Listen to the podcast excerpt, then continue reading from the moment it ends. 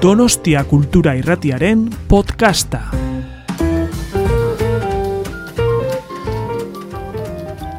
Bueno, ba, arratsaldeon eta eskerrik asko ba, gurekin egoteagatik.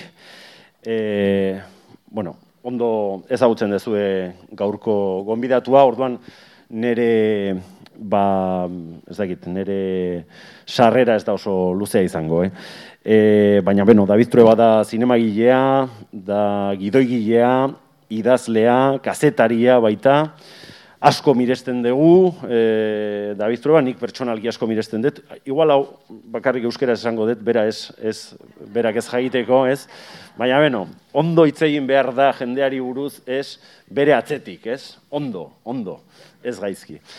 Eta benetan e, nik eskertu nahi diet, ba, batez ere, Donostia Kulturako ba, langile guztiei, ez, e, ba, gonbidapena luzatzeagatik, eta niretzat benetan ore, ore bat da. Bueno, decía que muy buenas tardes y muchas gracias por estar en este acto en donde vamos a tener la suerte de charlar con David Trueba, al que todos ustedes conocen, es, es, es cineasta, es escritor, es periodista, y nos hemos prometido hacer una introducción muy breve porque, porque ya le conocen ustedes a David. Además, ha estado muchas veces aquí. Eh, la última entrevistando a Ernesto Valverde, ¿verdad? A propósito de una, de una, de una exposición de fotografías de, del propio Ernesto Valverde. Así que vamos a empezar. Hoy vamos a hablar de, de su última novela, Queridos Niños, que probablemente hayan ya leído y que es una novela que trata de política, que es de lo que va a tratar de evidentemente vamos a hablar de literatura y política, es de lo que va a hablar, se va a hablar en este, en este ciclo ¿no? que se ha organizado aquí. Así que eh, mi primera pregunta, eh, eh, así para empezar, hablando de literatura, David, el personaje protagonista de la, de la novela, que se llama Basilio, eh, dice que no puede existir un escritor no frustrado después de Shakespeare y Cervantes. Así que yo te quería preguntar, para empezar, ¿qué tipo de escritor es David Trueba? Uno frustrado seguro, imagino, pero eh, ¿te ves reflejado, por ejemplo, en las contraportadas de, tus, novelas, en las descripciones de las contraportadas de tus novelas? Bueno, eh, hola, buenas tardes a todos. Encantado de, de estar aquí otra vez y en esta ciudad.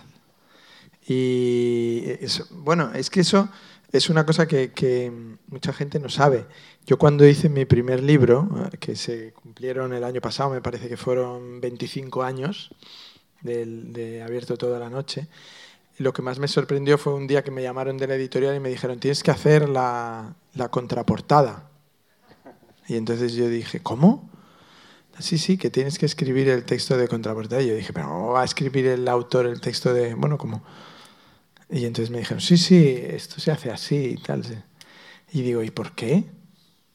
¿No? Qué raro. Dicen, porque si no, a veces hay conflictos porque no es lo suficientemente elogiosa. Y, y entonces yo escribí una contraportada que siempre lo he hecho y en la editorial, hay, como yo siempre, todas mis novelas han aparecido en la misma editorial, en la editorial, aunque han cambiado las personas, hay un código que ellos eh, mantienen que es el de no te preocupes que ya añadimos nosotros la banda sonora, ¿no? Consiste en que tú mandas como una descripción, porque yo les dije, yo me niego, yo soy una persona incapaz de, de, de elogiarme a mí mismo, o sea, no, no me sale, o sea, me parece de mala educación. Y además es que es la razón que me han preguntado muchísimas veces de por qué no tengo redes sociales.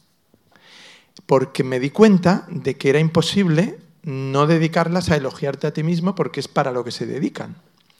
Para decir, otro día maravilloso, aquí eh, presento hoy una novela maravillosa en, en, Donosti, por la, venid todos, os lo pasaréis muy bien. Así, luego al acabar, ha sido un día maravilloso con mis maravillosos lectores, son José han estado estupendo, yo también. Entonces siempre percibo ahí una cierta autobombo, ¿no? Y, a mí eso, me, me, mi madre me enseñó que, era, que eso no se debía hacer, que tú nunca debes decir presumir, ¿no? Entonces yo les mandaba un, una descripción, ¿no? Lo sigo haciendo y entonces ellos le ponen la banda sonora que consiste en que si yo, por ejemplo, digo, esta novela trata sobre un asesor eh, contratado a última hora para llenar de eh, gasolina la campaña electoral de una candidata que está por detrás en las encuestas.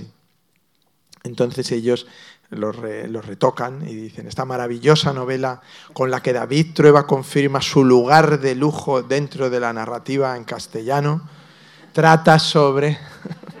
es la apasionante peripecia. Y, esa es la, música de acompañamiento. Entonces, el, curiosamente, el protagonista del libro se mofa de eso en, un momento, ¿no? en una circunstancia. No sé, no me acuerdo exactamente cómo lo dice él, pero por eso te lo preguntaba, claro. Bueno, eh, eh, evidentemente estamos, ya lo acaba de resumir David, ¿no? ante una novela que, habla de política y, yo te quería preguntar por la diferencia también entre lo político y la política. Yo no tengo la impresión, David, de que tú seas apolítico. ¿eh? Sin embargo, el, retrato de la política que nos brindas aquí es, es, bastante tremendo. ¿no? Por lo tanto, lo político apasionante y la política un lodazal? A, mí la política siempre me ha gustado mucho. siempre me ha, sido una de mis debilidades. O sea, a lo mejor no a la altura del cine, la literatura o la música, pero inmediatamente después. Es de las cosas que más me interesan. Y, la sigo mucho y leo muchísima prensa y veo los telediarios. De hecho, es casi lo único que, que así veo de una manera mis hijos se han burlado de mí muchísimas ocasiones por el tiempo que dedico a leer los periódicos. Es una cosa que les resulta como que tiro prácticamente mi vida a la basura. ¿no? Eh, porque desde que eran pequeños y tal, se, levantan y, ven a un tío ahí, claro, claro, ¿no? Primer periódico, segundo periódico y ya es como yo mismo a veces digo, si me grabara alguien, si viene alguien a hacer un documental, va a ser muy cómico, porque van a decirle, sus dos primeras horas de la mañana está inútil, no hace nada. Pero es que lo hago hasta si tengo un rodaje, que es probablemente las situaciones más estresantes y siniestras que una persona puede someterse, que es dirigir una película. Eh, no hay tiempo para nada, son 16 horas de, de tal y no sé qué. Bueno, pues yo voy con el periódico leído, porque si no me parece que es como ir sin duchar, ¿no?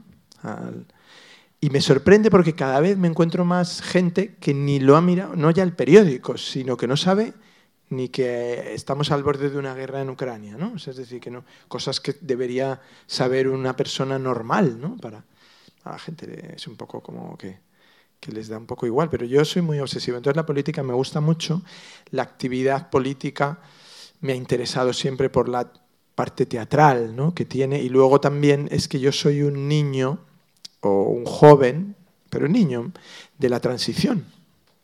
Y, y no sé si aquí yo creo que hay muchos niños de la transición ahora que seguramente estarán de acuerdo conmigo y que lo han debido pensar alguna vez, que nosotros crecimos, o por lo menos yo crecí con una dialéctica política bastante interesante y muy rebosante en, la vida y tenías seis o siete años. De hecho, mi hermano Fernando se acuerda de oírme decir por el pasillo de casa, vota Euskadico Esquerra, vota Euskadico Esquerra.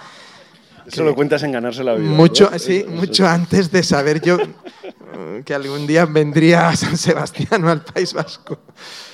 Pero el nombre, me, me, y, Andrés, me acuerdo, ¿no? Del de, liderado y tal. Y gente que salía y hablaba muy bien. Y, y, entonces, como todos los niños hacen, y yo creo que los de ahora también, más o menos se sienten atraídos por lo que ven y por lo que perciben en las cosas. Entonces, efectivamente, si yo tenía seis o siete años en el 77, pues lo normal es que, la política estaba tan presente en los medios, tan presente en la televisión, en tal, que la política ya me interesara mucho desde entonces. Ahora yo creo que también interesa, los chicos se han vuelto a interesar, hubo un periodo largo donde un poco el, Estado, digamos, dejó más de, de, a lo mejor interesar sobre todo a los jóvenes que veían la política como algo lejano, muy profesionalizado y tal. Pero hace unos años con, la, con Podemos, eh, la llegada de políticos más jóvenes, de partidos que venían un poco a romper también la, rutina, se volvió a interesar la... y es, a, mí siempre me ha interesado. Entonces, claro, cuando te interesa es lo que dices tú, cuál es la diferencia entre lo político y la política. Es decir, hay una diferencia entre la importancia suprema que tiene la acción política sobre nuestro destino, sobre nuestra, ya no te digo eh, ahora en un momento de, que puede haber un problema de, bélico, ¿no? pero saliéndonos incluso de eso en, la vida cotidiana, ¿no? el transporte, la escolarización, la, la, asistencia sanitaria, muchísimas cosas, tu propio oficio, profesión, etcétera, tus vocaciones tu formación. Todo eso la política tiene una incidencia brutal, aunque nosotros a lo mejor no la percibamos, pero, pero lo tiene. En ocasiones incluso ha sido definitoria a la hora de establecerte en una ciudad concreta o en otra. Tenido mucha, mucha importancia. Entonces es un clima en el que vivimos. Y luego está la actividad profesional en sí misma, que esa no la he practicado nunca. De hecho, el libro nace sutilmente de, una, de un suceso que me ocurrió hace unos años, que fue recibir una oferta o una proposición para, eh, digamos, desempeñar un cargo más que, que ocupar una posición política, ¿no? pero desempeñar un cargo político. Y me dieron muy poco tiempo para contestar y no lo necesité tampoco, eh, porque tengo el ego bastante embridado.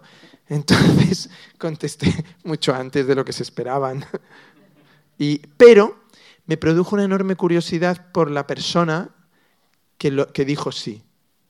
No, no, tanto por la persona a nivel personal, sino por, por qué le pasó y, a lo que se enfrentó.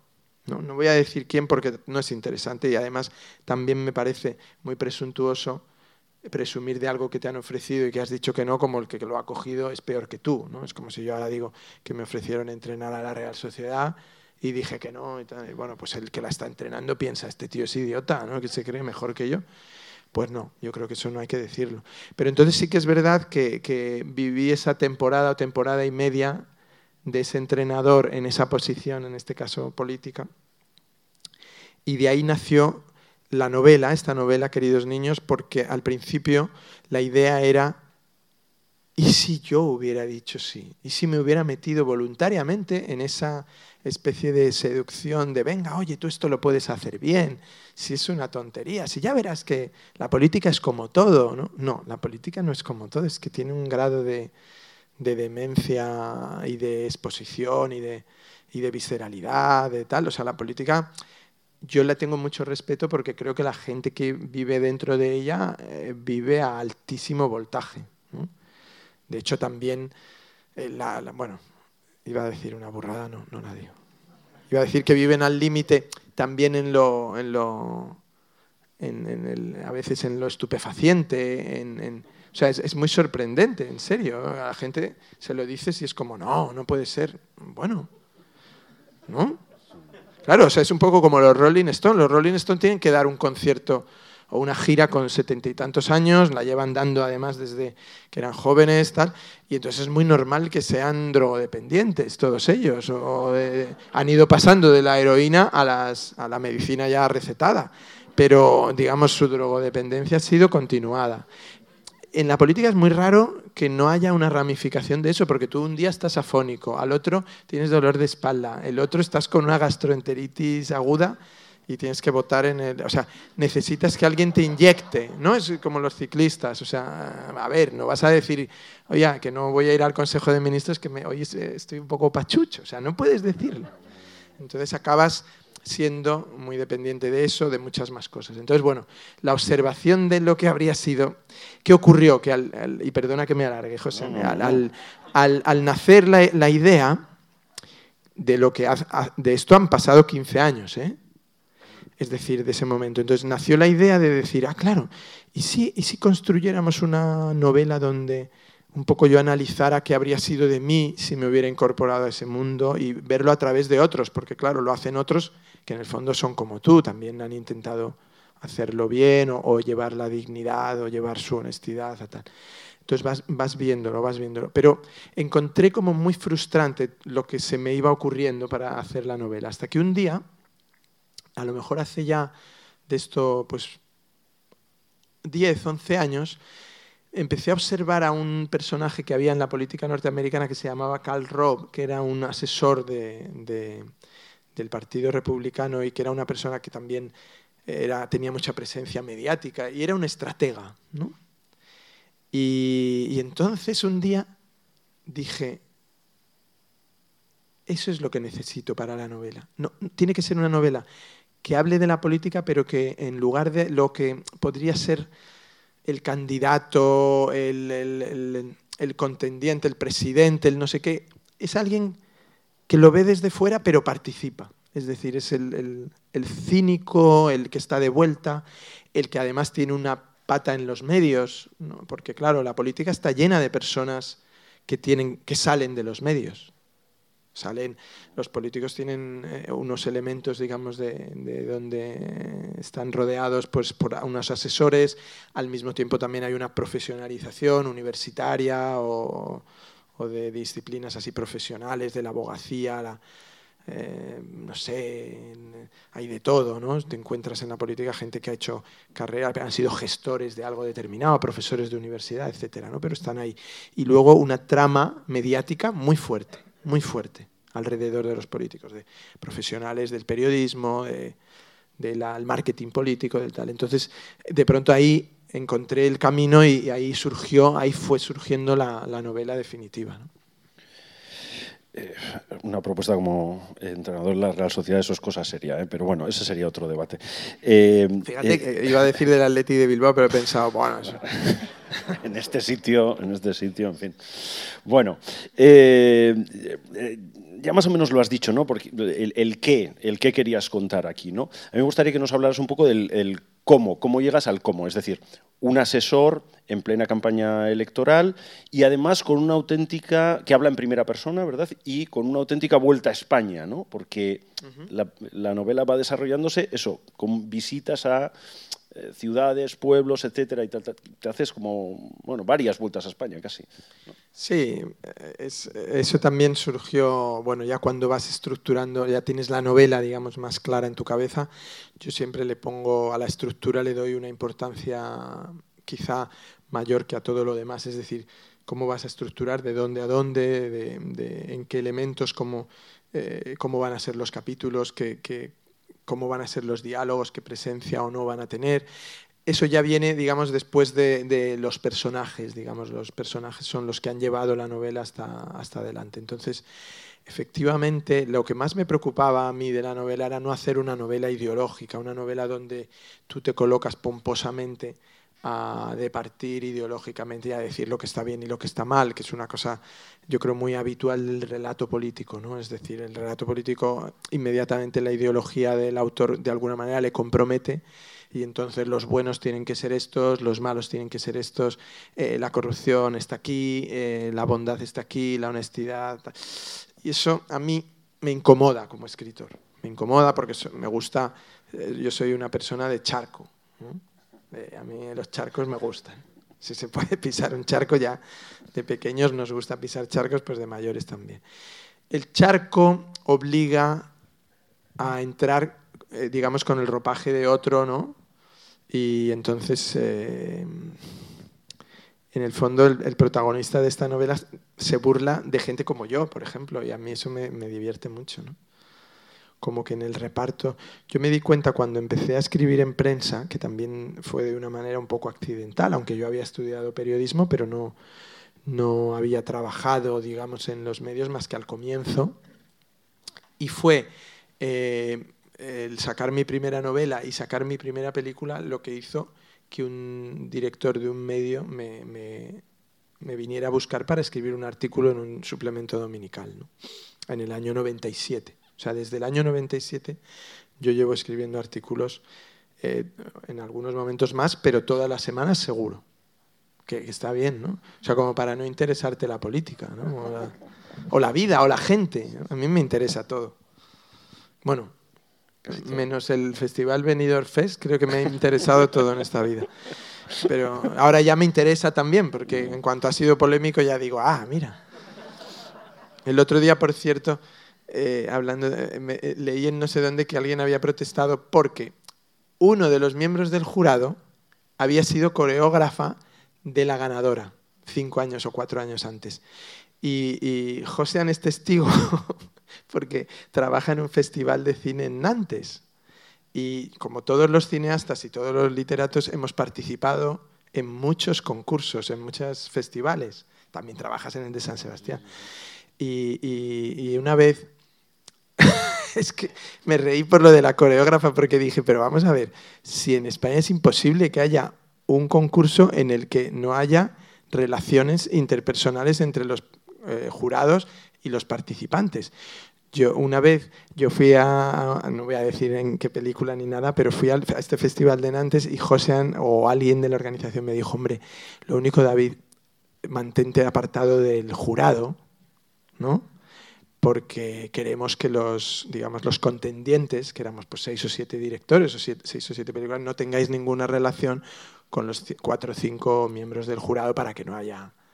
Y yo le dije, vale, y digo, ¿y quiénes son? y entonces me los nombra y, y entonces resulta que una era la expareja del protagonista. Y entonces le digo, pero José, digo... No me acordaba de esto. Eh, claro, digo, ah, con esto vamos a tener que resolverlo de otra manera, porque creo que acabaron fatal. ¿Qué me dices? No lo sabía. Entonces es una cosa habitual, ¿no? Entonces se supone que los miembros del jurado tienen que hacer su trabajo bien, pese a que tengan un conocimiento y tal, pero bueno, en este caso además me parecía poco poco relevante. ¿no? Es, entonces yo es verdad, también lo reconozco que hace mil años, dándome cuenta de esto, dije que no a ser jurado en, en, España. Entonces, pero lo, lo, dije yo y no le digo a los demás que lo hagan, pero yo lo hice porque yo conozco a muchísima gente y, y es que sería imposible ¿no? de, de eliminar el elemento ese sentimental. Entonces, pero bueno, a eso que, que estaba contestando antes, que he hecho una larga digresión aquí, no sé por qué.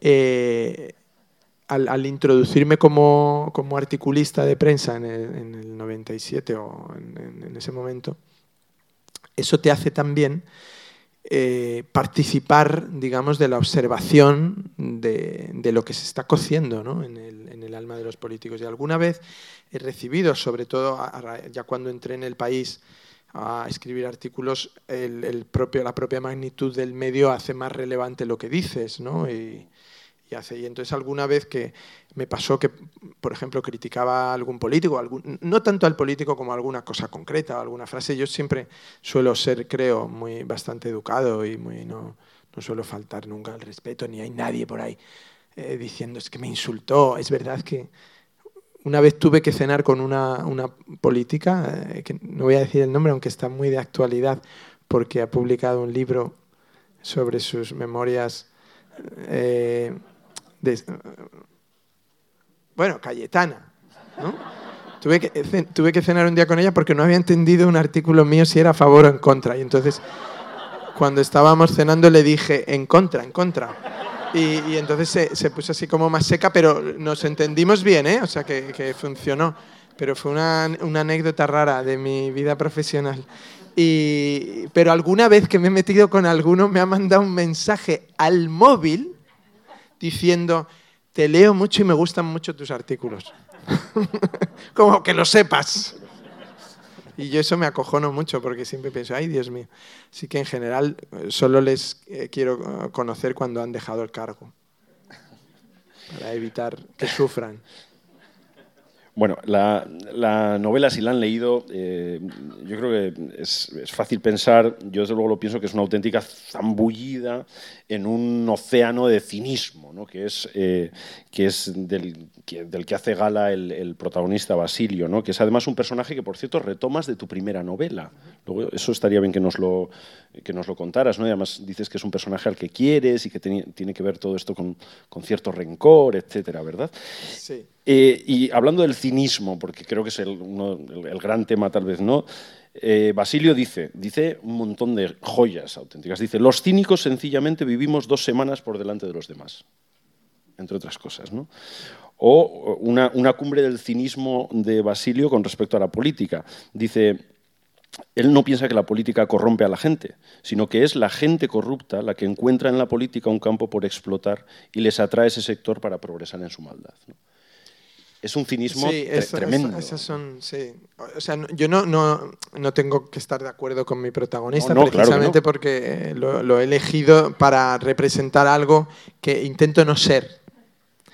Pero al mismo tiempo, es decir, cuando, cuando te introduces en un protagonista tienes que hacerlo con todas, sus, con todas las consecuencias del hecho, que es eh, dotarle de una voz, de una voz auténtica, autónoma, muy por encima de la tuya y que de alguna manera también te obliga a un esfuerzo de, esgrima para pelear con él, si es que en algún momento de la novela tienes que pelear con él, cosa que en este caso no sucede, porque no es un personaje que tenga un enfrentamiento con alguien, pero sí lo tiene que tener con el lector. Entonces, mi, mi gran miedo cuando empecé ya a redactar la novela, que eso es, digamos, el último proceso casi ya de la novela, que es algo que, pues de esos 15 primeros años se produce prácticamente 10 años después, ¿no? O sea, es decir, hace 5, 4, 5.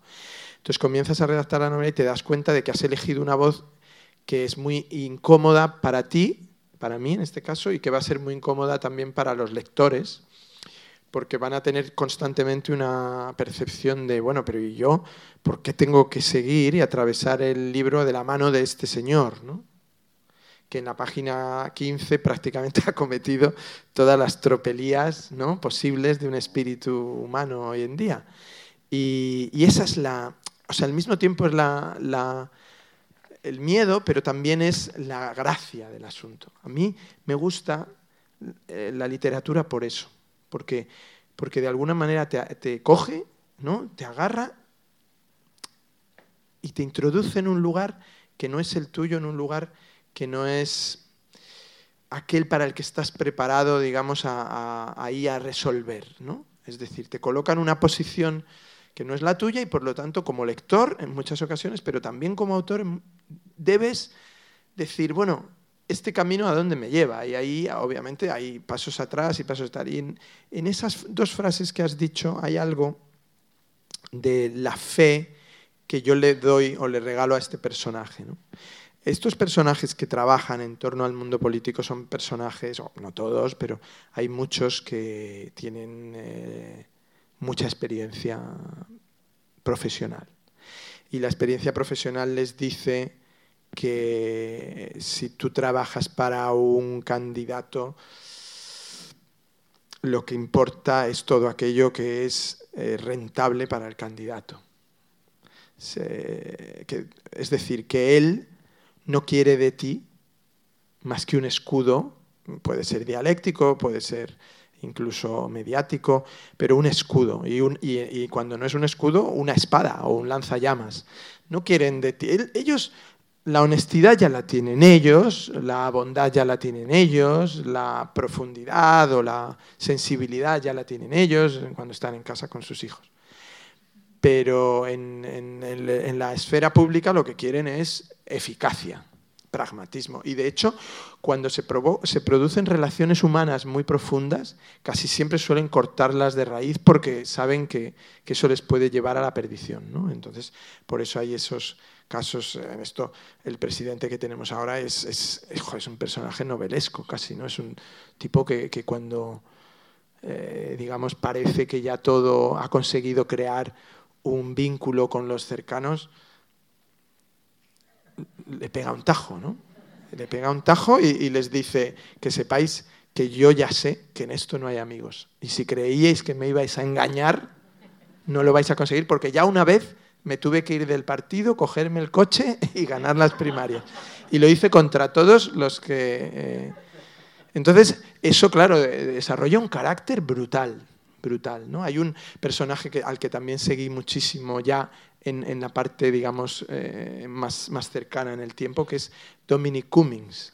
Eh, me ibas a preguntar por él, claro, es un, para mí una joya de personajes. Dominic Cummings era el asesor, digamos, de, la campaña del Brexit y el, máximo estratega de esa campaña, y luego pasó a ser el jefe, digamos, de, gabinete y campaña de Boris Johnson y ganar eh, las elecciones también, aparte de la del Brexit, ganar para Boris Johnson. Ah, hoy, al día de hoy es la persona que se puede cargar a Boris Johnson, va filtrando cada día que puede otra de las fiestas, otra de las fotos, los faxes, los mails, los tal, y, ahora es un pulso, a mí me tiene muy, muy pillado, ¿no? Es, y a Boris Johnson le ha pasado una cosa que dice un personaje en el libro, que, que está basado en un presidente de España, que uno, de sus, digamos, no cercanos, pero una persona que le conocía, le había escuchado decir la frase cuando estaba acosado por un asunto, la frase de que me pareció tan brutal que la introduje en la novela de a ver si mañana se cae un avión de pasajeros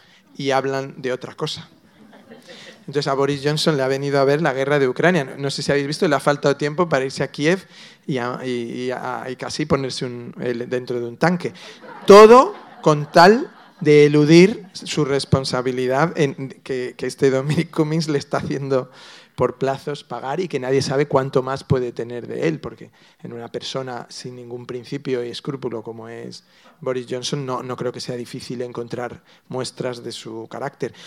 Esto le pasaba también a Trump. Lo que ocurre es que ya los votantes, y de ahí viene también cuando apareció el título Queridos niños en mi cabeza, eh, yo estaba viviendo en un momento con la novela en el que decía, pero todo esto tiene tiene que tener un principio y un fin. Es decir, esto, esto no es un accidente. Es decir, la política no es una cosa que nos traen de Marte, la depositan aquí y, nos dicen, venga, ala, pudriros con estos. No. La política tiene un elemento también que se desarrolla en el, en el vínculo social, en, en, el estado, digamos, que está viviendo una sociedad. Entonces, los queridos niños, como los llama el protagonista, estos electores o esta ciudadanía que tiene alrededor, ya han elegido a Boris Johnson y ya han elegido a Donald Trump y ya han elegido a Bolsonaro y ya han elegido a el que sea sabiendo los pocos escrúpulos que tiene. Es más, como eligieron antes, mucho antes a, Silvio Berlusconi, los han elegido por la carencia de escrúpulos. Es, decir, que, que luego rasgarse las vestiduras porque se comportan como siempre se han comportado, es raro, ¿no? O sea, a mí me parece asombroso. Esto sí que le puede pasar a mucha gente que en su inocencia ha votado a una persona que no se está comportando como él cree, que esto también ha sucedido, pero en estos casos hay poco, poco rédito de, encontrarles. Donald Trump dijo la frase más brutal con respecto a esto, que es yo puedo salir por Times Square con una eh, ametralladora y no voy a perder ningún voto. Por, y no es del todo cierto, pero tampoco era del todo mentira. Hay un, hay un elemento ahí que... Y esto provoca una cierta inquietud, ¿no? porque mm, bueno, le da al, eh, caldo político una, una, desventaja de unos contra otros brutal. ¿no? Y, lo vemos ahora, ¿no? es decir, tú, tú eres eh, Macron, ¿no? por ejemplo. Macron se presenta en Moscú ayer o antes de ayer y Vladimir Putin le pone una mesa ¿no? Como de aquí a allí y le dice siéntate ahí, además lo retransmite, como le hicieron a Ursula von der Leyen, le dijeron no, hay silla para ti, no hay asiento, o sea, es decir, hacen una retransmisión brutal que además el asesor de Putin o el propio Putin, si se le ha ocurrido a él, sabe que va a ser portada del New York Times al día siguiente, que no es moco de pavo, ¿eh? o sea, entonces, claro, tú, que o sea, tú ves la foto, la llegada, la, escena y lo que percibes es que Macron, como presidente democrático que tiene unas elecciones dentro de unos meses, que además eh, hay, digamos, una división en Francia importante, social, que, es posible que si renueva su presidencia lo haga a costa de una exacerbación de, la ruptura del país, ¿no? Se enfrenta a un tipo que la última vez que tuvo un candidato eh, que se iba a presentar contra él, que iba a sacar el 10% de los votos, lo envenenaron y casi lo matan. O sea, es decir, lo salvaron porque no se sabe todavía muy bien cómo, porque el hombre debe ser fuerte y grande, pero... Eh, y claro, tú lo ves y dices, ostras, eh, mediáticamente aquí hay uno que juega con una pierna y una mano atada y el otro con las dos. Y este es, este es el caldo de hoy, ¿no? Entonces, lo que no podemos es ser ingenuos. Entonces, en ese, en ese caldo yo creo que estos personajes, estos perfiles de persona muy profesional que sabe lo que está haciendo, tiene que estar al lado, aunque tú seas el asesor de... hay, hay, muchos políticos que yo una vez de broma le dije, un amigo me dijo, no, no entiendo cómo Manuela Carmena ha podido perder las elecciones a la alcaldía de Madrid frente a unos entonces un candidato muy mediocre como era Martínez Almeida, que no le conocían. De hecho, ella ganó, o sea, es decir, pero Martínez Almeida pudo. Y yo le dije, porque quizá habló demasiado de la bondad y de las Magdalenas.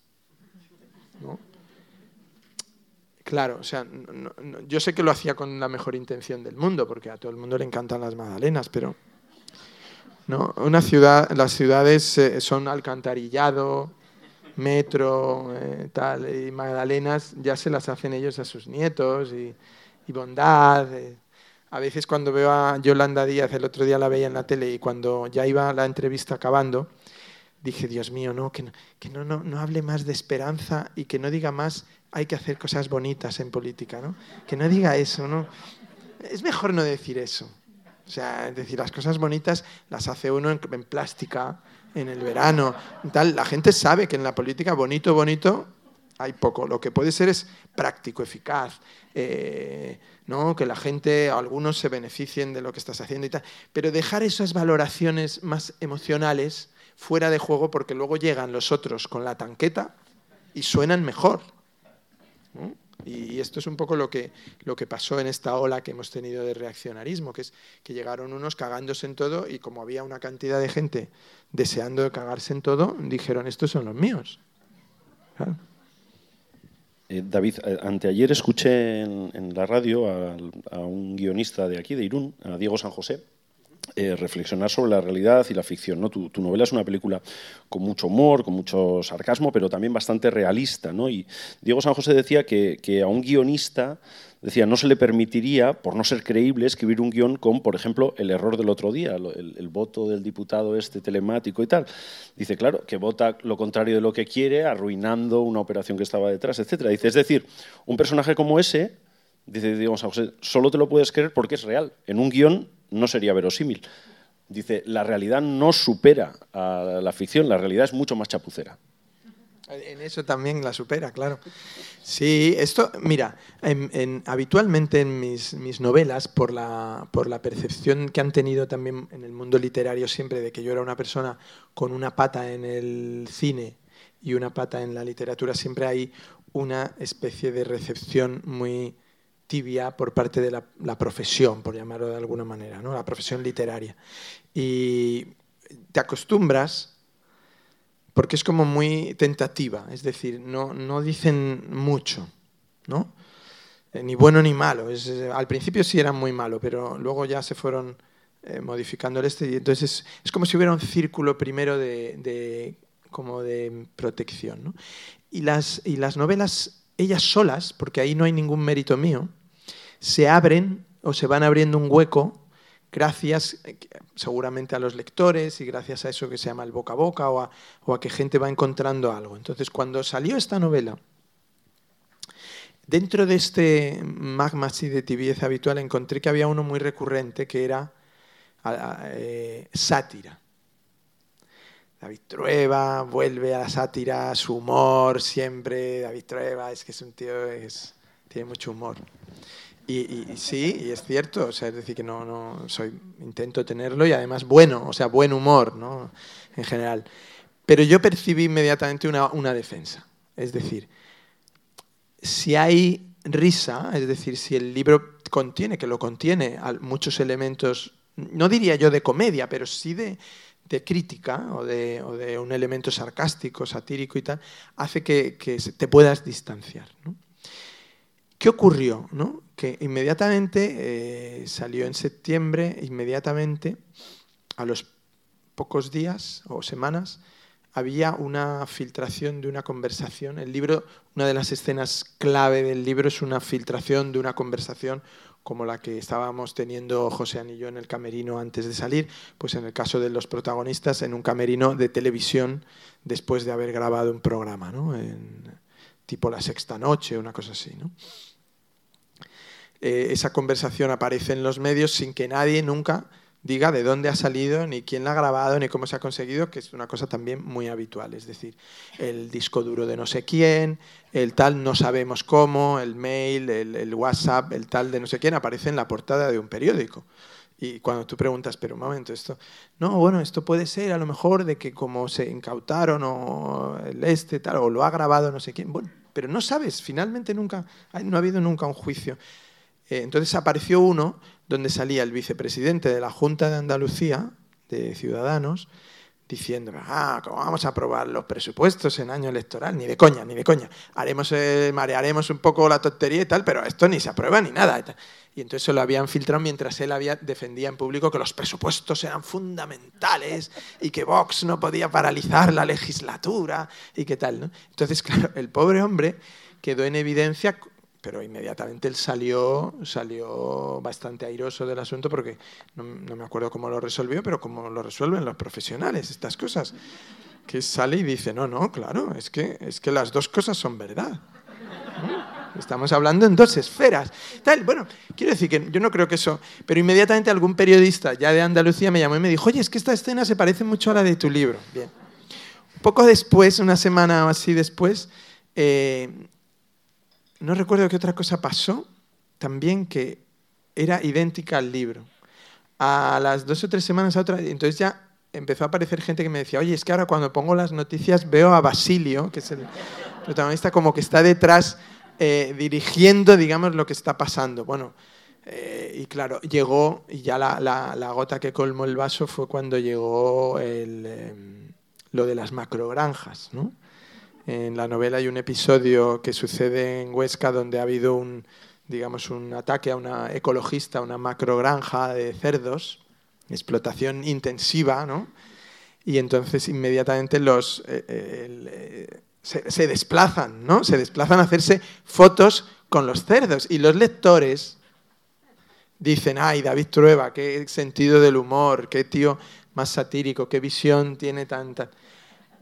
Pero cuando están viendo la tele y ven la campaña de Castilla y León y ven a un candidato abrazado a una vaca, a otro candidato abrazado a una vaca, a otro candidato que pide que mejor que votaran las vacas, y a otro candidato que, que tal, dices, hostia, la novela no era una sátira, era realista. No, o sea, otra vez David Trueba ha fracasado, quería ser Jonathan Swift y como mucho va a llegar a Galdós, o sea, es decir, se, queda en una cosa muy, muy garbancera, muy nuestra, muy de... Y eso me encanta, ¿no? Porque eh, en el fondo, cuando, cuando yo pensaba, digo, ¿cómo le, le endilgo este libro a mis lectores, a los que adoro? Y que van a pensar, pero vamos a ver, ¿cómo David Trueba pone de protagonista a un tipo que es un asesor de un partido de derechas totalmente corrupto, que además se dirige al partido, lo llama cueva de ladrones, los cuervos, tal, no sé qué, pero los defiende, trabaja para ellos, hace tal, y además le parecen los otros unos horribles, o sea, mediocres, inanes. En cualquier disputa que tiene, dice, míralos, ahí están, a ver, compitiendo, a ver quién quiere más a los emigrantes. Que esto es lo que hace un poco la... es, una posición bastante habitual ¿eh? en, la, política, Y, entonces yo decía, ay Dios mío, ¿cómo les endilgo esto? ¿Cómo les endilgo esto? Y entonces se me ocurrió una idea que, era decir que el libro es un manual de supervivencia, para, como ahora todos los libros tienen que ser útiles, porque si no la gente dice, ¿para qué me lo voy a leer? Entonces todo es cómo conseguir amigos, cómo hacerte rico en 21 días, cómo no sé qué, no sé cuántos, es cómo superar la depresión, la muerte de un familiar olvidada. Y entonces la gente dice, ay, sí, qué bien me ha venido este libro. Y digo, pero oiga, que no, que va a ser usted un dependiente, ¿no? Estas cosas, o sea, hay que vivir en la vida, uno tiene que generar su propia química, ¿no? Es decir, si, hay algo que te está afectando dentro, no tienes que, tomar algo solo y únicamente para eso, sino tú también hacer, o sea, generar tus anticuerpos, ¿no? Esto que ahora se habla tanto en que hacen las vacunas, ¿no? Meterte un poquito del veneno para activar tu cuerpo, para que sea tu cuerpo el, dueño de la situación y no, y no el esclavo. Entonces, claro, si los libros se convierten en una solución, entonces dije, no, pero yo como tengo que vender el libro, voy a decir que es un manual de supervivencia para personas que en algún momento dado de su vida tengan que padecer una campaña electoral. Y, eh, o sea, es decir, antes se ponía para lectores de 8 a 88 años, ¿no? Pues un poco lo mismo. ¿Quién no va a sufrir una campaña electoral? Vamos a sufrir, eh, ah, por suerte, ojalá, suframos muchos. Muchas, porque mis padres sufrieron muy pocas pero nosotros, por suerte, vamos a sufrir muchas. Entonces, quejémonos, desactivémoslas, leamos lo que hay también detrás eh, y escudriñemos detrás y, por lo tanto hagámoslas mejores. Lo que, porque al final lo que está ocurriendo con la actividad política tiene que ver con lo que se hace para seducirnos. Es decir, yo cuando, cuando ahora ya pasa menos, pero antes cuando había bancos, eh, quiero decir sedes bancarias, tú ibas al banco y notabas muy, muy claramente en el trato si tenía dinero tu cuenta o no, si te acababan de hacer una transferencia fuerte o no. ¿En qué lo notabas? En las estrategias de seducción del personal, sobre todo directivo, ¿no? Porque el de la caja siempre te trataba igual, o la chica que tal, pero, pero el director, subdirector de la sucursal, unos días era... Seguía con sus papeles y otros días era, ¡Hombre, David! ¿Qué tal? y yo sabía que me habían pagado el guion, ¿no? Digo, mira, ya me han ingresado. Esa seducción que a veces incorporaba quererte regalar una cafetera o un, televisor y tal, a mí siempre me parecía, en el fondo, yo decía, pero ¿qué me ha visto este hombre a mí? ¿no? Pues un poco con la política también tengo la siguiente sensación, que todo lo que hacen que no nos gusta, no lo harían si no creyeran que nos gusta. Es decir, nadie hace una estrategia de seducción por hacerla. O sea, yo no me presentaría si a mí me gustara una chica a la que voy a ver o alguien que voy a ver ahora a la hora de la cena. Yo me presentaría de una manera y diría y sacaría unos temas y, y me comportaría y haría unas cosas en función de que lo que quiero es seducir a esa persona o por lo menos que esa persona piense bien de mí. Y yo no creo que haya muchos políticos que sean tan bobos de decir voy a hacer cosas para que me detesten. No, no. Lo hacen para, seducir. Entonces, cuando nosotros vemos eso, lo que tenemos que decir es, wow, ¿no? Esa chica a la que yo llego al restaurante y llego, me siento y digo, no te preocupes, que pago yo. Pues si le gusta eso, o, la chica piensa que yo pienso que a ella le va a gustar eso, la chica va a decir, ostras, qué mala imagen estoy dando, ¿no? Tengo que cambiar de actitud, porque es esto, y lo digo también como persona a la que te seducen, o sea, hay veces en que dices, pero ¿me quieres seducir con esto? ¡Wow! Digo, tan inútil soy. Entonces nosotros, yo creo que como sociedad sí debemos ir diciendo, no, por ahí no, y, e, evidentemente empieza por castigar a los nuestros, ¿no? Y, por hacerles sentir lo que no queremos que hagan. Y de olvidarnos un poco de eso de que los otros lo aceptan todo, ¿no? Porque eso, si os sucede, pues ¿qué le vamos a hacer? ¿no? El mundo es así. Y, pasaría lo que ha pasado siempre, que es que nuestra soberbia nos lleva a pensar que cuando decimos la, la expresión la gente, no nos incluye.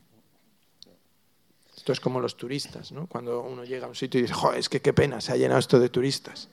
Y estás tú ahí en la Plaza San Marcos con, la cámara de fotos y, y, dices, pues uno más, ¿no? Es decir, pues, se ha llenado, claro. Pues un poco esto de la política es así, ¿no? Eh, bueno, dice Basilio, el protagonista de la novela, que este no es país para la esencia, sino para la anécdota.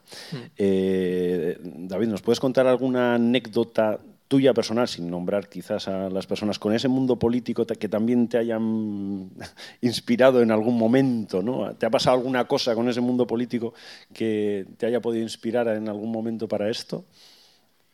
No, sí, bueno, a mí me inspira todo, ¿eh? O sea, es decir, yo, yo estoy atento, o sea, estoy con la antena puesta a todo. Es decir, cuando te dedicas a esta profesión mía, todo es interesante.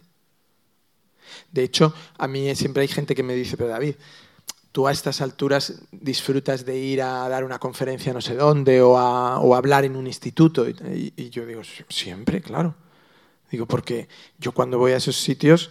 Eh, en general haces una interrelación con la gente que es muy informativa. Claro, yo a un instituto hace años que, no entro más que a las reuniones que he tenido con los eh, tutores de mis hijos y tal.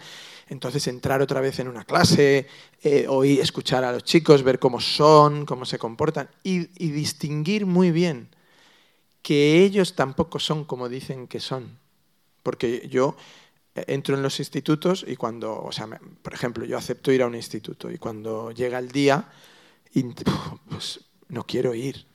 O sea, me pasa lo mismo que cuando era alumno. No, no, Dios mío, no, pero ¿por qué dije que sí? Qué horror, qué estupidez.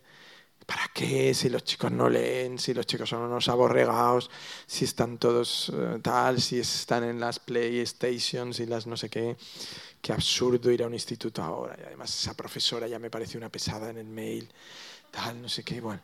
Y llego al instituto, me abren la puerta, me reciben. el instituto en general está mucho mejor que el colegio al que iba yo, o porque ya tienen cosas como interesantes puestas en tal. Luego ves a los chicos que están llenos de vida, de, de hormonas, ¿no? que no tienen nada que ver con ya con lo que ves a diario. Que, que luego la, los profesores son majos en general, son gente muy tal. Ay, pues yo soy tal, no sé que te cuentan alguna anécdota. Entras en una clase y son inteligentes. Hablan, preguntan, miran, tienen tal. Siempre hay dos o tres, digamos, más toquetes y tal, pero la media es como bastante alta. Y yo salgo y digo, joder, siempre que digo, en un instituto, me ha devuelto la fe en la humanidad, pero están muy bien los chavales y tal, que están mucho mejor de lo que dicen. ¿Por qué? Porque también son la gente, los chicos son la gente y todos son la gente, los ancianos son los ancianos. Pero cuando estás ahí dices, pero es que esta gente es así, tiene estos problemas y tiene tal. Entonces, los políticos también cuando los conoces o cuando yo los he conocido he encontrado que ellos, a los más aguerridos, les he encontrado muy críticos con su profesión. El otro día fui a comer con un juez que se acaba de jubilar fuera de Madrid, un, juez muy interesante. Y joder, dijo unas cosas de los jueces que yo dije, tío, me alegro de que lo digas porque yo lo pensaba y, a veces me consideraba antisistema. Digo, entonces me, me alegra mucho que un magistrado con tantos trienios como tú diga estas barbaridades. Porque los conozco.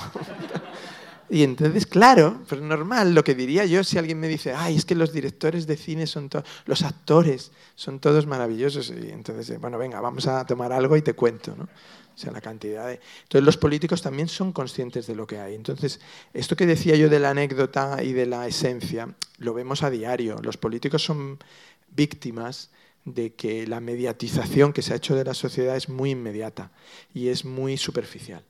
Entonces, a un político le cuesta mucho hacer llegar un discurso de mínimo calado a la sociedad, a la sociedad general, porque además el político de gran, de gran, de gran espectro necesita votantes muy, muy diversos y votantes muy lejanos, es decir, que nunca van a tener un contacto personal con él, que nunca van a tener un- una ocasión, digamos, de mirarse a los ojos, sino que solo le van a ver a través de la pantalla del móvil o de la del televisor. Entonces, claro, el político que ocurre se da cuenta de que lo que funciona son mensajes muy primarios, muy directos, eh, muy añadidos a algo audiovisual, algún elemento que tenga algo de, evento, de, de- de accidente, de tal, donde salgas favorecido. Entonces, están a la espera de que pase algo para decir, eh, que yo lo dije, que eso me tal. Y entonces ahí es donde vienen las dificultades, porque claro, tú ves esto que, que- decías, que comentabas antes de la votación del, otro día, ¿no? de la reforma laboral. La reforma laboral ya, digamos, cuando empezó a, digamos, a- al trámite parlamentario ya era absurdo todo. Es decir, lo grotesco había empezado antes, que era que partidos que se dicen representados por la COE, la patronal, estaban en contra que partidos que consideran a com- a comisiones obreras su sindicato hermano estaban en contra, que partidos que consideran a la UGT o al tal eh, estaban en contra. Entonces era como muy raro, ¿no? O sea, lo han pactado, digamos, los agentes sociales, pero todos los partidos menos el gobierno están en contra. Y entonces cualquier persona con dos dedos de frente se daba cuenta de lo que ocurría, ¿no? Es decir, que lo que se quería era negociar o castigar al gobierno en otros aspectos, pero que ese iba a ser la excusa. ¿no? Entonces, en esta política que vivimos tan vertiginosa, se llega a una situación tan, tan, tan terrible como que es, eh, digamos, se entre a votar con un equilibrio tan precario, tan precario, que de hecho no era equilibrio. Es decir, por, por suerte había dos diputados de, Unión del Pueblo Navarro que no habían dicho nada, o sea, es decir, que iban a traicionar al partido, pero que, que no lo habían advertido porque ya sabían que si lo advertían, el, gobierno podría reaccionar e ir a buscar pues a algunos de los socios que le estaban poniendo mala cara y tal, para decirles, oye, que es que ahora esto va en serio. ¿no? Pero ellos, muy taimados, lo hicieron muy bien y dijeron, no, no, vamos a... es decir, la traición se tiene que ejecutar en secreto y en silencio, porque si no, no es traición, claro, es un cachondeo esto. Y ahí aparece el factor este eh, casero, ¿no? Y nunca mejor dicho, es decir, haciendo honor a su apellido, se había quedado en casa y, bueno, a ver, esto le ha pasado, ha pasado en infinidad de ocasiones. Yo, yo no sé eh, el, trámite, cómo habría sido. Yolanda Díaz también en la entrevista del domingo con, con Gonzo dijo que si la reforma no hubiera salido habría dimitido si Yolanda hubiera dimitido, habría eso eh, escalabrado, digamos, la coalición y se habrían eh, convocado elecciones, pues seguramente Pedro Sánchez habría esperado al domingo. Si el domingo el resultado en Castilla y León le va bien, pues eh, venga, oportunidad de oro, ¿no? Como va, está esperando el andaluz. Vamos a ver qué pasa en Castilla y León y ya decido yo si esto es insostenible o no. Poco la política es esa táctica, es eso tal, nos guste o no nos guste, es lo que hay. Y lo único es elevar el listón, es decir, que la próxima vez no se equivoque un señor en el botón, sino que todo eso nosotros también participemos. O sea, yo creo que la democracia nos obliga a implicarnos.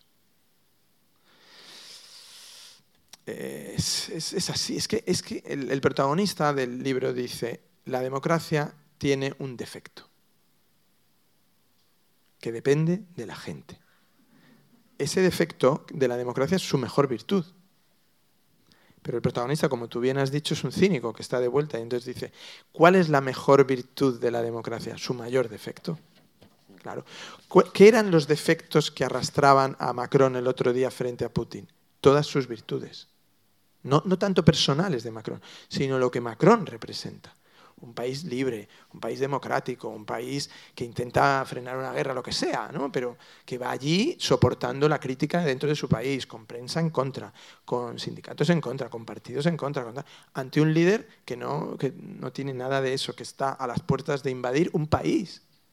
¿Por qué? Eh, bueno, ha decidido que ese país le pertenece o que tiene el gobierno que él quiere, o si no, no es país. Esto es tremendo. Entonces, claro, desde Europa las sociedades democráticas lo vemos, yo creo, sin darnos cuenta de que nosotros en algunas cosas tenemos que respaldar a esos líderes. Los políticos no pueden ser tampoco caballeros andantes sin ningún respaldo, porque entonces se caen del caballo. Es decir, eh, necesitamos respaldar y necesitamos encontrar a políticos con los que podamos invertir invertir nuestra ilusión, invertir incluso nuestro esfuerzo, porque al final a mí me hace gracia cuando veo los resultados de, la encuesta de, población activa. Es que los políticos inmediatamente dicen que es culpa de ellos lo bueno y culpa de los otros lo malo, y, se les olvida un pequeño detalle, que es, que es que la sociedad está trabajando sin saber quién está en el gobierno, sin saber ni siquiera en qué consiste la ley, porque de hecho se la están saltando la mitad. Pero la sociedad trabaja, trabaja, trabaja y por lo tanto está contribuyendo a eso. Entonces, lo que es raro es que tú contribuyas tanto con tu esfuerzo a algo de lo que luego te quieras desentender. Y entonces ahí viene, por ejemplo, la tolerancia con la corrupción. A mí eso me parece el, lo peor, digamos, del sistema. Es decir, que porque es un sistema democrático el corrupto pueda presentarse a las elecciones y volver a ganar, eso significa que su corrupción es menor, no. Eso que has leído antes que dice el protagonista, de que en la política ahora no es lo que siempre habíamos pensado, ¿no? que es que la política corrompe a las personas, sino que hay muchas personas corruptas que encuentran en la... Eso lo hemos visto, ha habido verdaderos arribistas en, los partidos, que sobre todo en los más nuevos, que han permitido una entrada muy directa, joder, ahí se han colocado algunos que en cuanto les hemos visto la máscara eran terribles, terribles, y se ha demostrado entre sus propios compañeros, ¿no? Es decir, no hace falta irme a criticar a, unos y otros porque hay en todos, pero, pero se ha visto. Entonces, eso yo creo que debemos nosotros responsabilizarnos, lo que no sé muy bien es cómo, pero y el, libro no, no tiene, como bien he dicho antes, no tiene ninguna utilidad. O sea, es solo simplemente para ver el telediario y no morir de asco. O sea, es decir, es mejor morirse de risa que de asco, ¿no? Entonces, eh, uno ve las estrategias que hay detrás y dices, ah, pues mira, ah, este, este está haciendo esto. Bueno, es que hubo una cosa increíble. Hay un momento en la novela en que eh, sale una encuesta en un periódico y deciden que la la candidata, digamos, a la que este protagonista tiene que ayudar, es la menos en forma física de los candidatos, porque los candidatos se someten también a estas pruebas. Y entonces esto dispara las alarmas.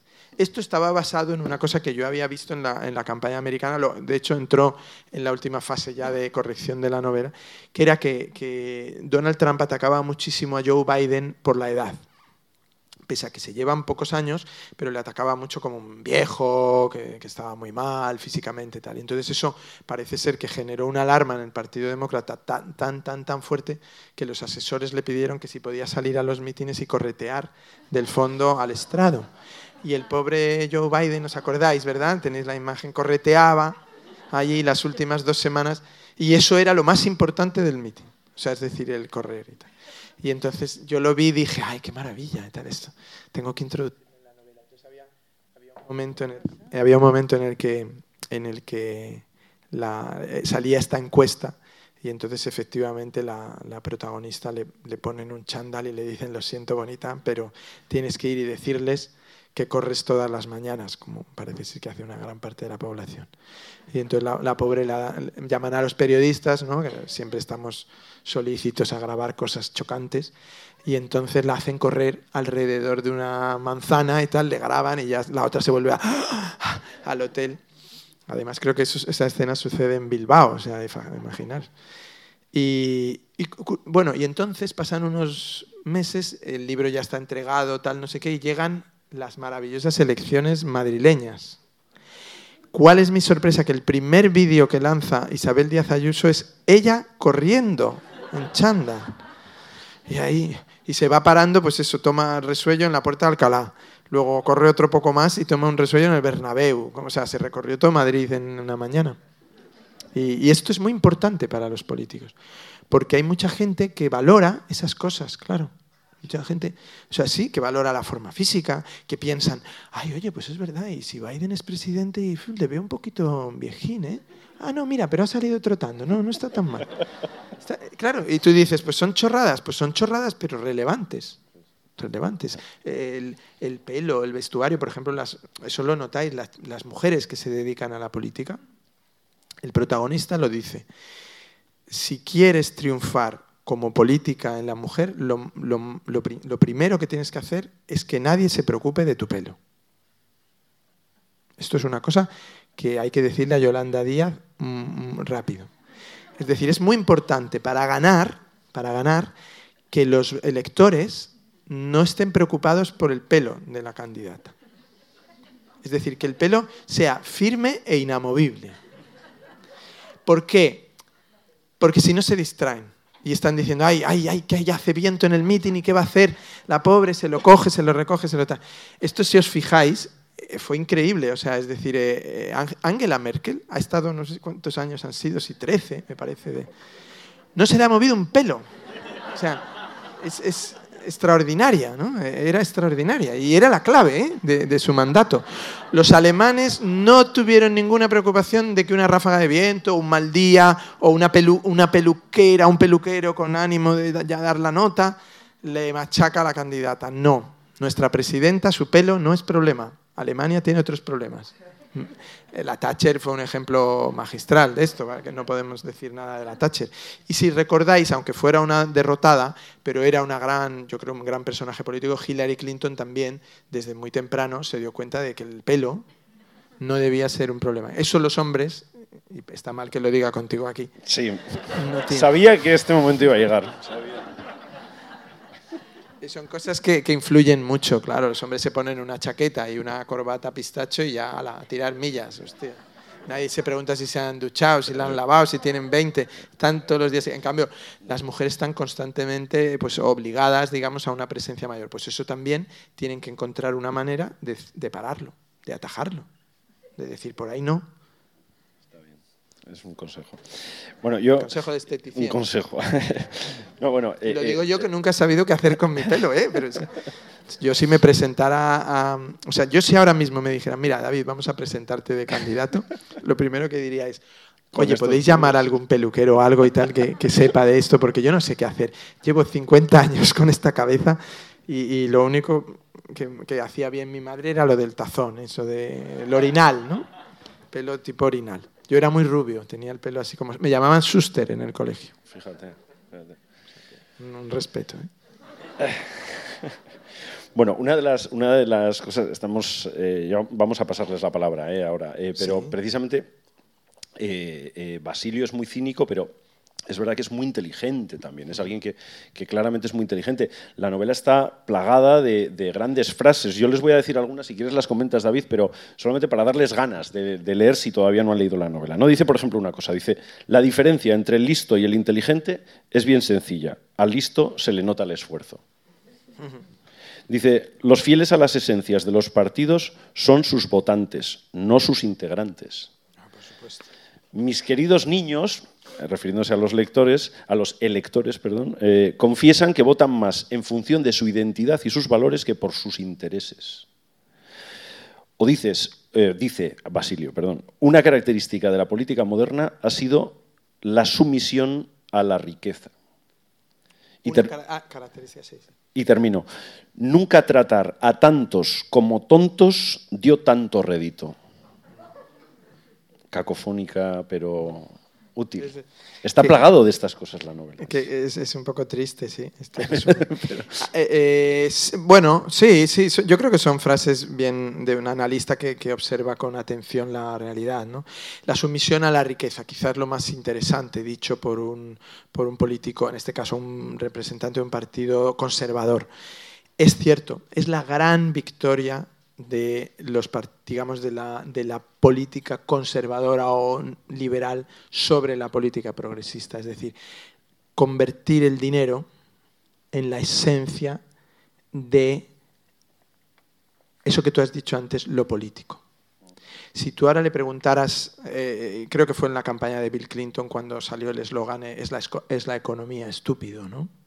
Fue una forma de decirle a, una- a lo más cercano a un socialdemócrata que ha llegado a ver en Estados Unidos, un presidente cercano a lo que podría ser un partido socialdemócrata en Europa, el mensaje fue muy claro y de hecho todos sus asesores eran venían del mundo de Goldman Sachs, del mundo de, de la mm, banca privada, de la economía mm, del capital. tal. No, no digo que, que sea un error.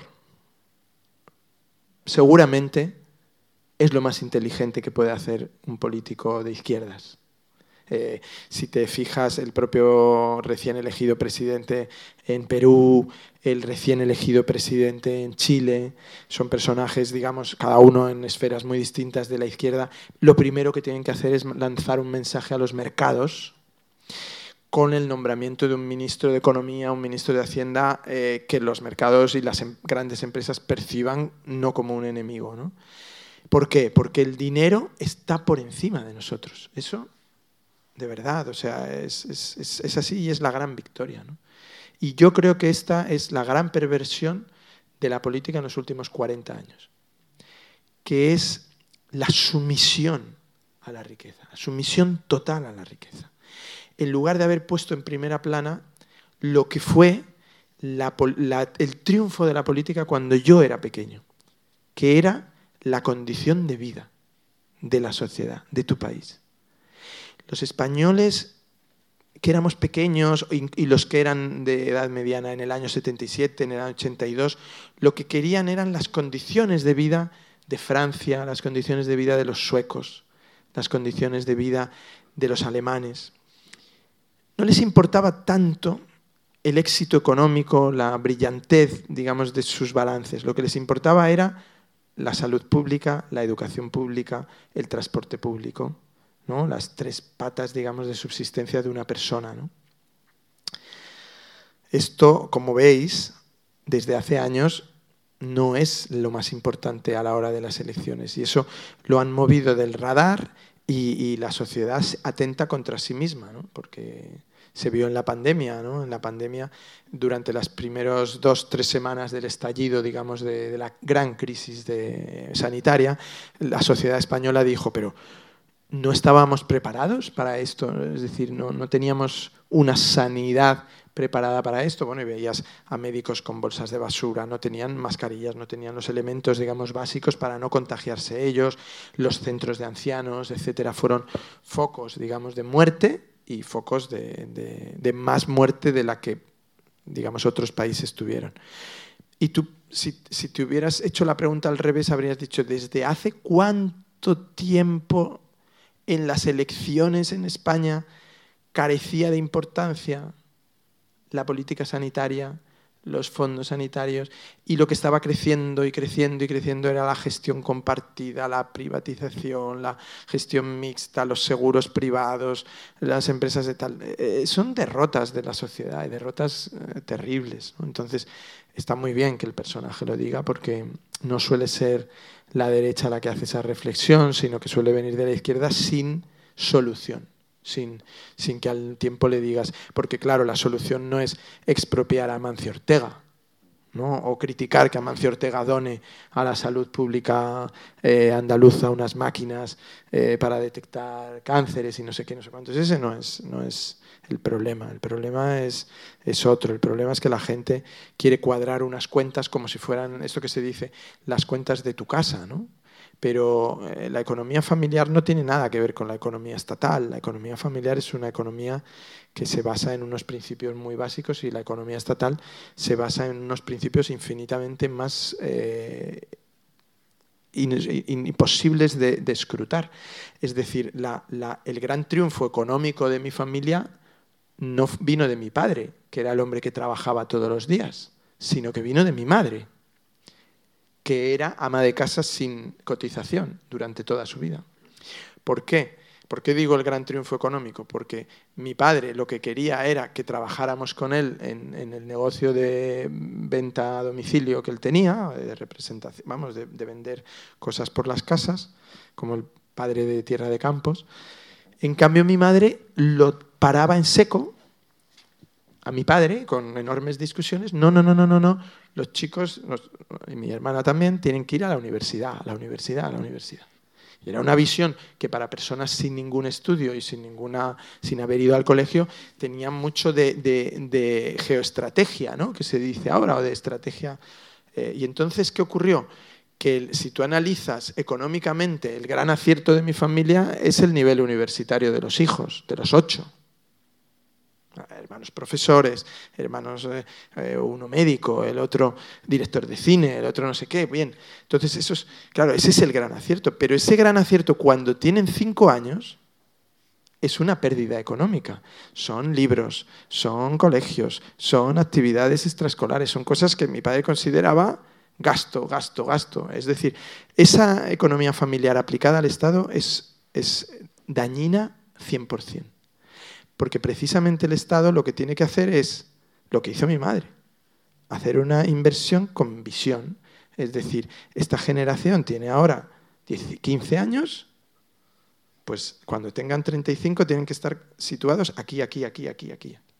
Esto de ahora, de camareros, de construcción, de no sé qué, esto es una estafa absoluta a España como país. Y funciona. Funciona, lo presentan a las elecciones y funciona de coña. De coña.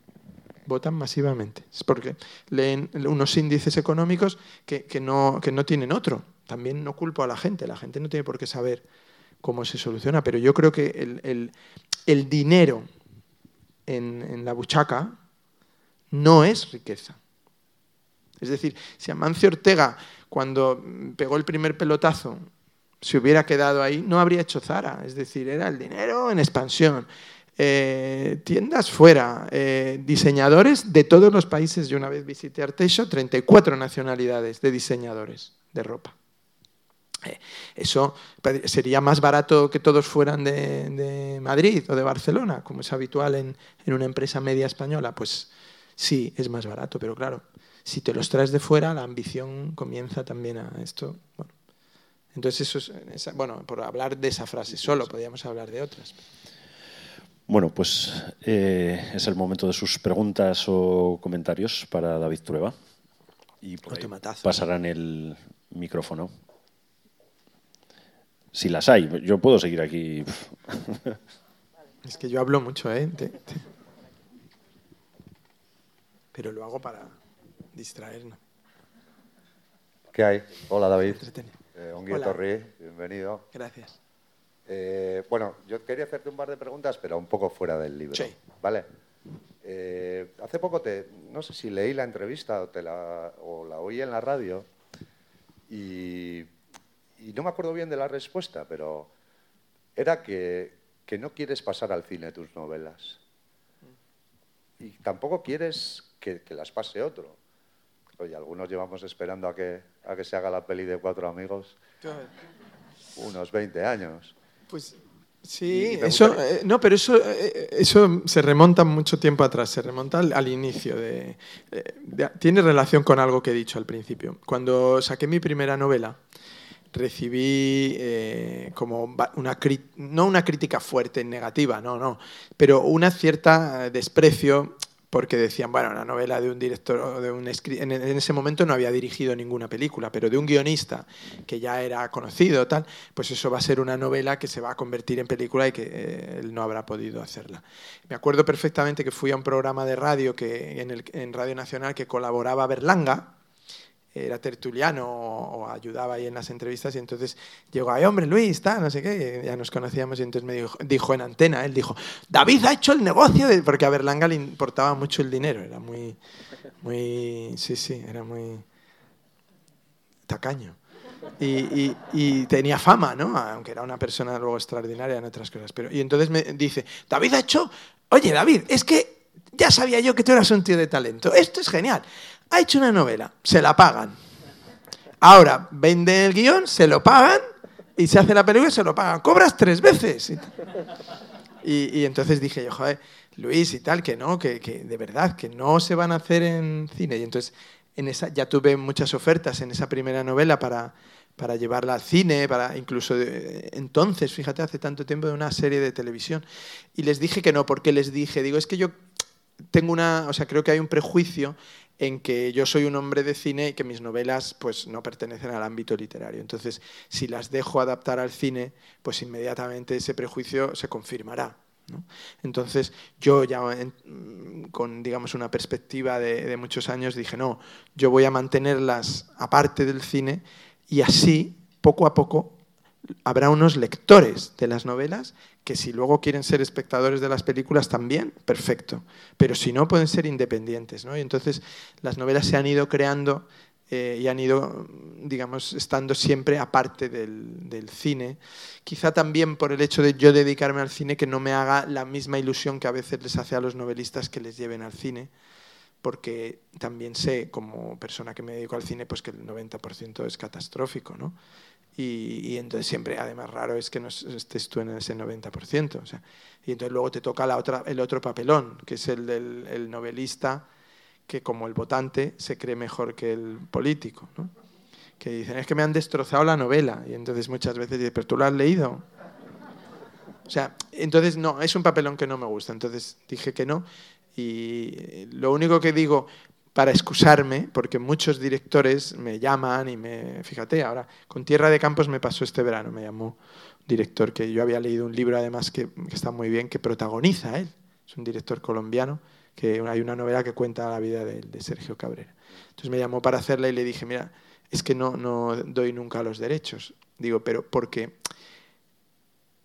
concibo las novelas como mi casa en el campo y las películas como mi apartamento en la ciudad. Entonces, cuando tú tienes una casa en el campo, lo que menos quieres es que te hagan un corte inglés, te pasen la autopista por enfrente de la casa y te pongan un Leroy Merlin o un Decathlon a la puerta, porque tú te has ido al campo para no ver eso. En cambio, cuando estás en la ciudad, lo que no quieres tampoco es que te venga a pastar una cabra, ¿no? Ahí según sales o, o tal, porque dicen, no, que estoy en la ciudad, joder, yo lo que quiero es un Leroy Merlin aquí, un supermercado aquí y un cine, ¿no? Entonces, eh, se lo expliqué así y lo entendió. Me dijo, Luego- bueno, si cambias de opinión. Y luego la, la segunda pregunta eh, es un poco sobre el programa de el peor programa de la semana. Ajá. ¿Qué año podía ser eso? ¿98? No, en el, en el, Antes. en el nos echaron Sí. en el año 1994, 94. en el mes de Ah, es febrero. verdad, es verdad, febrero sí, sí. 94, sí. Y bueno, aparte de la polémica por... Entonces no se podía decir nada Ya, malo del rey. Sí, sí, sí, joder, cómo ha cambiado. Ahora si dices algo bueno Sí, del rey sí. te echan. Y, bueno, pero yo, joder, no sé, yo me acuerdo que me lo pasaba, bueno, como un enano. Mi compañera y yo somos profes y yo me acuerdo que estuve, oh, no Ah, sé cuántas semanas, ¿te acuerdas que Wyoming no paraba de decir, qué bonito, qué bonito, qué bonito? Bueno, yo estuve en bonito. clase así como dos meses, todos los días, qué bonito. Y no sé, quiero eh, un poco cómo era eh, hacer el programa, ¿no? La sensación era desde fuera que Pues, el programa me mira, parecía lo que- estupendo, vamos. Lo que más recuerdo de, o sea, del, del programa recuerdo lo- pasarlo muy bien porque habíamos incorporado una troupe de actores que entonces no eran actores todavía muy muy conocidos porque aceptaron formar parte de una troupe en- entre los cuales había un par de ejemplares vascos maravillosos, Alex Angulo, Ramón Barea, que habíamos visto en las primera, primera, película, primera y segunda película de Alex. Y, y estaba también eh, Chus Lampreave, Luis Ciges, hacían como de los ancianos, estaba Anabel Alonso, estaba Pablo Carbonell y estaba Jesús Bonilla, Santiago Segura, también Santiago tampoco había hecho ni torrentes ni nada, ¿no? Y entonces con ellos era el trabajo era muy divertido porque traíamos sketches y se hacía la lectura, luego la esta, pero quizá mi recuerdo mejor, o sea, mi mejor recuerdo del programa es el día que nos echan. Sí, y te voy a explicar por qué. Porque, primero, porque siempre yo he sido muy buen deportista. ¿no? Entonces, eh, cuando te tienen que echar, checo, lo mejor es que lo hagan rápido y lo más indoloro. Esto es como cuando te tienen que operar, pues ahora venga, hágame el menor daño posible, doctor. Entonces, eh, íbamos a empezar el programa, a la- el programa se hacía en directo, lo ensayábamos y tal, pero luego se hacía en directo. Y se hacía las, me parece que era las 10, 10 y media de la noche, y nosotros hacíamos un ensayo general como si fuera el programa exacto hecho a las 7 y media, para acabarlo a las 9 y media o 9, cenar algo y hacer el directo. O sea, era, esa era la dinámica del día en el que hacíamos el, programa, que era los martes. Entonces hicimos el, el- estábamos empezando a hacer el directo del programa, perdón, el, el ensayo general del programa, y viene un ayudante y nos dice, Wyoming David, que éramos directores del programa, al despacho de la dirección de televisión, en ese momento los ejecutivos, jefes de programa, no recuerdo sus cargos, pero sé que eran tres. Y, Oye, diles que no, que estoy aquí, estamos haciendo el ensayo general, no, podemos inter- no se interrumpía bajo ningún concepto, porque tenías que hacer el programa una vez para ver si fallaba algo, si tal. No, no, no, no, no, no, no, no, no, que, no, que no, que no podemos tal. Oye, que de verdad que es muy importante que subáis, que tal, y se para el ensayo. Bueno, pues subimos y ya por el pasillo yo sabía que algo pasaba, porque no era normal que se hiciera interrumpido. Entonces entramos en el despacho y había estos tres ejecutivos y entrábamos Wyoming y yo. Yo en ese momento tenía 24 años y Wyoming pues eh, tiene 15 más, pues eh, 39. Y Wyoming yo sabía que se estaba comprando, se acababa de entrar en una promoción de unos chalets en, Madrid, una cooperativa y tal, porque acababa de tener el segundo hijo. Yo no tenía todavía ningún hijo. Tenía novia, ya me parecía un milagro. Y, bueno, el caso es que íbamos camino del despacho y yo no le comenté nada a Wyoming, pero yo dije, aquí va a haber problema. Entonces, finalmente se desarrolla esta reunión donde hay una crisis por la cual no podemos llevar al invitado que íbamos a llevar, porque según ellos era una persona que iba a criticar a la Casa Real, entonces nosotros decíamos que no, ellos que sí, ellos que tal, nos obligan a, suprimir el invitado y hacer el programa con otro invitado, que ellos nos consiguen en una hora, nos traen a alguien, que no nos preocupemos y tal. Y entonces eh, yo en ese momento sé que si nos negamos, no es que se suspenda ese programa, sino que se suspende, se cancela el programa, ¿no? Porque y entonces, claro, yo pensé, yo por mí, a mí me da igual. O sea, es decir, eh, un trabajo, pues lo pierdes y ya está. Pero claro, cuando una persona al lado tiene una necesidad económica y se ha metido en un lío de, dinero que tú sabes y conoces porque te lo ha contado a lo largo de los últimos meses y sabes la preocupación económica que tiene, pues supongo que esto le ha pasado a todo el mundo en su trabajo, en una reunión sindical, en lo que sea, de saber que al lado hay una persona que, que depende de ese Y entonces yo hubo un momento en el que dije, bueno, pues la decisión no la puedo tomar, o sea, yo la podría tomar, pero creo que también aquí Wyoming tiene mucho que decir y tal. Y entonces me volví y le dije, bueno, ¿cómo lo ves? ¿No? Esto. Y entonces Wyoming me miró, como ya nos conocíamos bastante y tal, me miró y me dijo, cuando hay que hacer una cosa hay que hacerla. Y yo dije, vale. Y e- ese momento lo recuerdo porque para mí fue muy importante el sentirte acompañado ¿no? en una de estas y entonces yo dije, no, la respuesta es no. Entonces, ¿sabéis a lo que esto se expone y tal? Y no sé qué. Eh, no. Y entonces nos fuimos del despacho y ya cuando salimos ya empezaron los teletipos de la agencia F. Televisión suprime el programa por su baja audiencia. Televisión suprime el programa porque lo dirige David Trueba y ellos querían a Fernando Trueba. O sea, todo tipo de insultos y tal. Yo dije, ah, esta es la guerra. Y entonces yo me yo por ese pasillo y entonces yo le dije, joder, tío, lo siento porque esto te va a meter en un problema. Y me dijo, no, no te preocupes. Fíjate hasta qué punto le metería en un problema económico que tuvo que aceptar ser guionista de Hermanos de Leche para, para pagar las letras de la cooperativa, que eso es una cosa durísima. Siempre dice que a cambio conoció a José Coronado y que, y que le enseñó muchas cosas de la vida.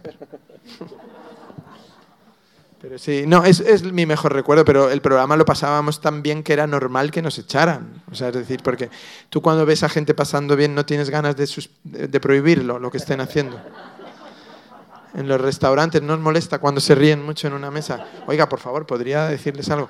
En, las casas que tienen patio común, que yo voy mucho con niños y tal, siempre, entonces entras y dices, qué bien, joder, una casa que tienen un patio común para que jueguen los niños. Según entras en la primera pared pone prohibido jugar a la pelota, prohibido saltar, prohibido cantar, prohibido hablar, prohibido estar, prohibido usar el jardín. Y entonces dices, ah, vale, hay un vecino que le jode todo esto pues el mundo es así.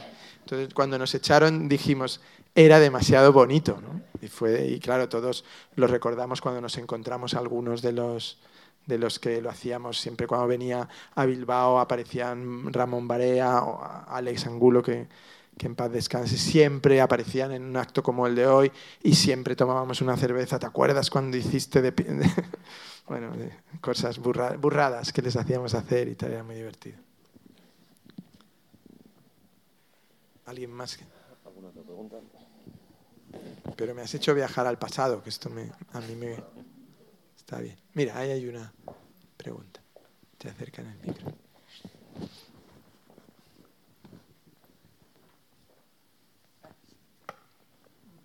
A ver. Ah, a ver, yo tengo una pregunta muy típica, ¿eh? pero la voy a hacer. A ver, yo he leído algunos libros tuyos, no todos, pero y son muy algunos son muy diferentes, ¿no? Unos de otros. Y algunos, pues, tienen ciertas similitudes. O bueno, a mí me ha parecido. Uh -huh. Entonces yo quería preguntar, bueno, a mí, por ejemplo, Tierra de Campos sí que me recordó un poquito a el, el que ha dicho él. Eh, cuatro amigos. Cuatro amigos, sí. Bueno, había algo ahí que, sí. ¿no?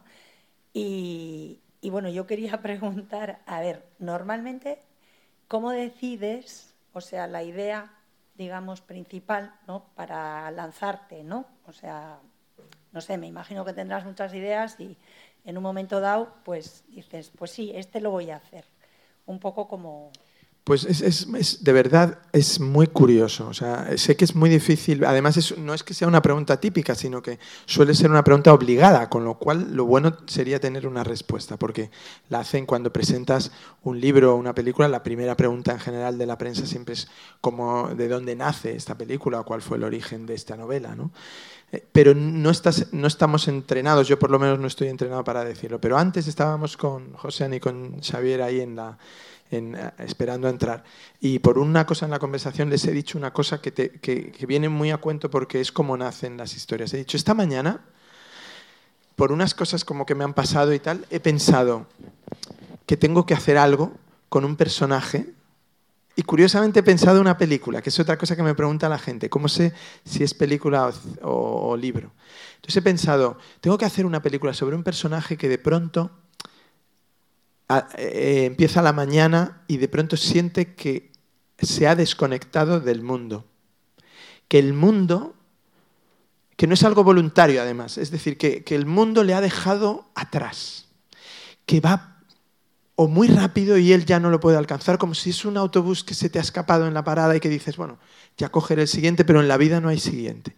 Y tienes una sensación de desconexión, de que ya no compartes las cosas que son importantes para la sociedad, las cosas que, son, que eran importantes y que a ti te gustaban ya no son tan compartidas, que te sientes solo, pero sobre todo, porque solo uno siempre tiene amigos y siempre tiene familia, y siempre, bueno, casi siempre, ¿no?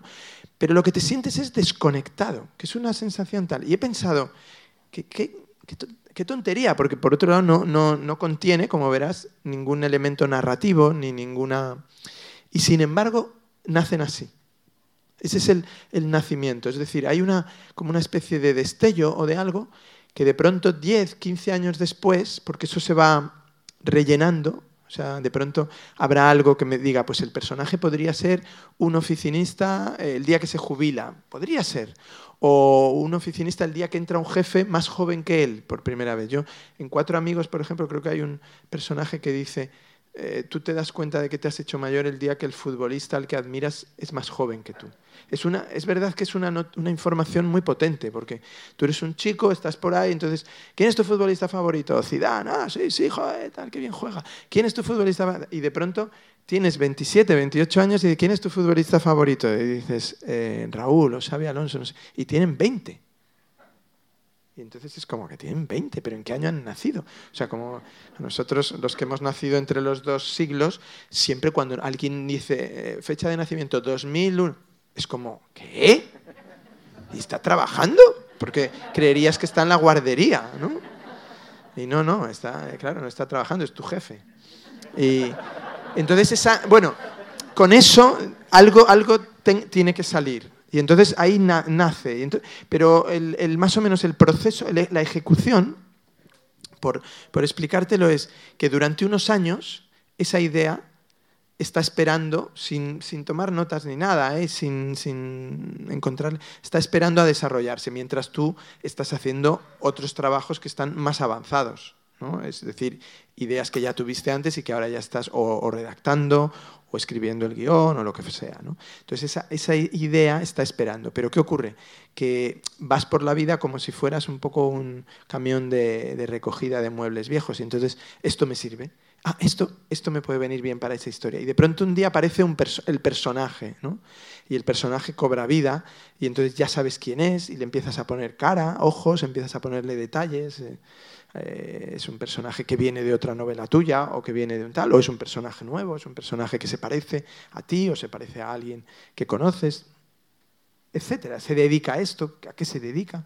Entonces se va como de alguna manera eh, desarrollando el feto, ¿no? Es decir, va va eh, agrandándose. Y entonces ahí yo lo que hago es ponerle solo una, digamos, una obligación a la historia sobre mí, que es que me dicte un título y que me dicte un final. O sea, yo le digo a la historia, vale, todo esto que me estás sugiriendo está muy bien, parece interesante, pero cuando ya está un poco más desarrollada le digo, sí, pero ¿esto cómo se titula? que parece una pregunta un poco chorra, pero... Y, entonces tu cabeza empieza, pues se titula El hombre que desconectó, el primer día de mi nueva vida, la primera muerte de José Luis Peláez, yo qué sé, va, a aparecer. Y un día hay uno que, que dices, ese es, ese es el título. Y a la vez la conclusión, es decir, la conclusión que quiere decir a dónde quieres llevar a este personaje y dónde te quieres llevar a ti, de dónde a dónde va. O sea, si, si, la historia arranca con un día en que se siente desconectado de la sociedad, que siente que, sus aficiones ya no son la afición de nadie, muchas cosas, ¿no? Eh, ¿A dónde quieres llegar con esto? ¿A que se tira por una torre? ¿A que encuentra el enganche de nuevo? ¿A que ¿Dónde quieres ir? Porque a dónde quieres ir te va a dictar el tipo de viaje que vas a emprender. Entonces, un poco con esas dos cosas, cuando aparece el final, que lo redondea, y aparece el título, que de alguna manera lo, lo define, entonces ahí saco un cuaderno y comienzo a intentar hacer una escaleta en orden de las escenas que contiene o de los episodios o los momentos que puede contener la historia. Y entonces esa escaleta al principio es muy primaria, son cuatro puntos. De hecho, el otro día estuve haciendo una de una historia que tengo desde hace años y, y me daba vergüenza ajena. O sea, yo decía, jo, llevo con esto en la cabeza 10 años, digo, y ahora ya he dicho, me voy a poner a escribirlo, ¿no? Y te pones a escribirlo y es como, pues si no tienes nada, eres, eres un idiota. Y sí, lo confirmé. Pregunté a amigos y me lo confirmaron. Hay- una aquí y otra allí. Ah, perdón. Sí, sí, ¿dónde? ¿Cómo vamos de hora? ¿Bien? Sí. No, vale, pues contesto rápido. Adiós, que no te había visto. ¿Cómo se llama? Hola. Encantado de conocerte. Chao. La cena manda. Sí, voy. Perdona. Casi me da vergüenza a quien le he quitado la pregunta, pero, pero bueno, tiro, tiro para adelante. Eh, me ha gustado las relaciones que has hecho entre la novela y, y- y los pasajes de realidad que han venido posteriores. Supongo que algunos también habrá habido anteriores.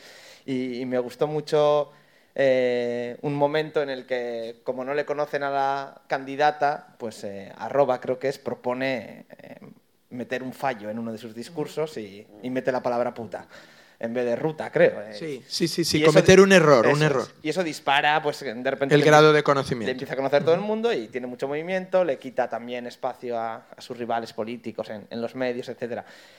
no sé, sería curioso si, si conocieras alguno o hubieras visto alguna situación real en la que Ah. alguien ha cometido un fallo aposta para, para tener una reacción así, vamos. Bueno, hubo uno, me- se me ha olvidado enumerarlo, hubo uno que eh, responde exactamente a eso, que es la entrada de Pablo Casado en una misa de exaltación franquista por error.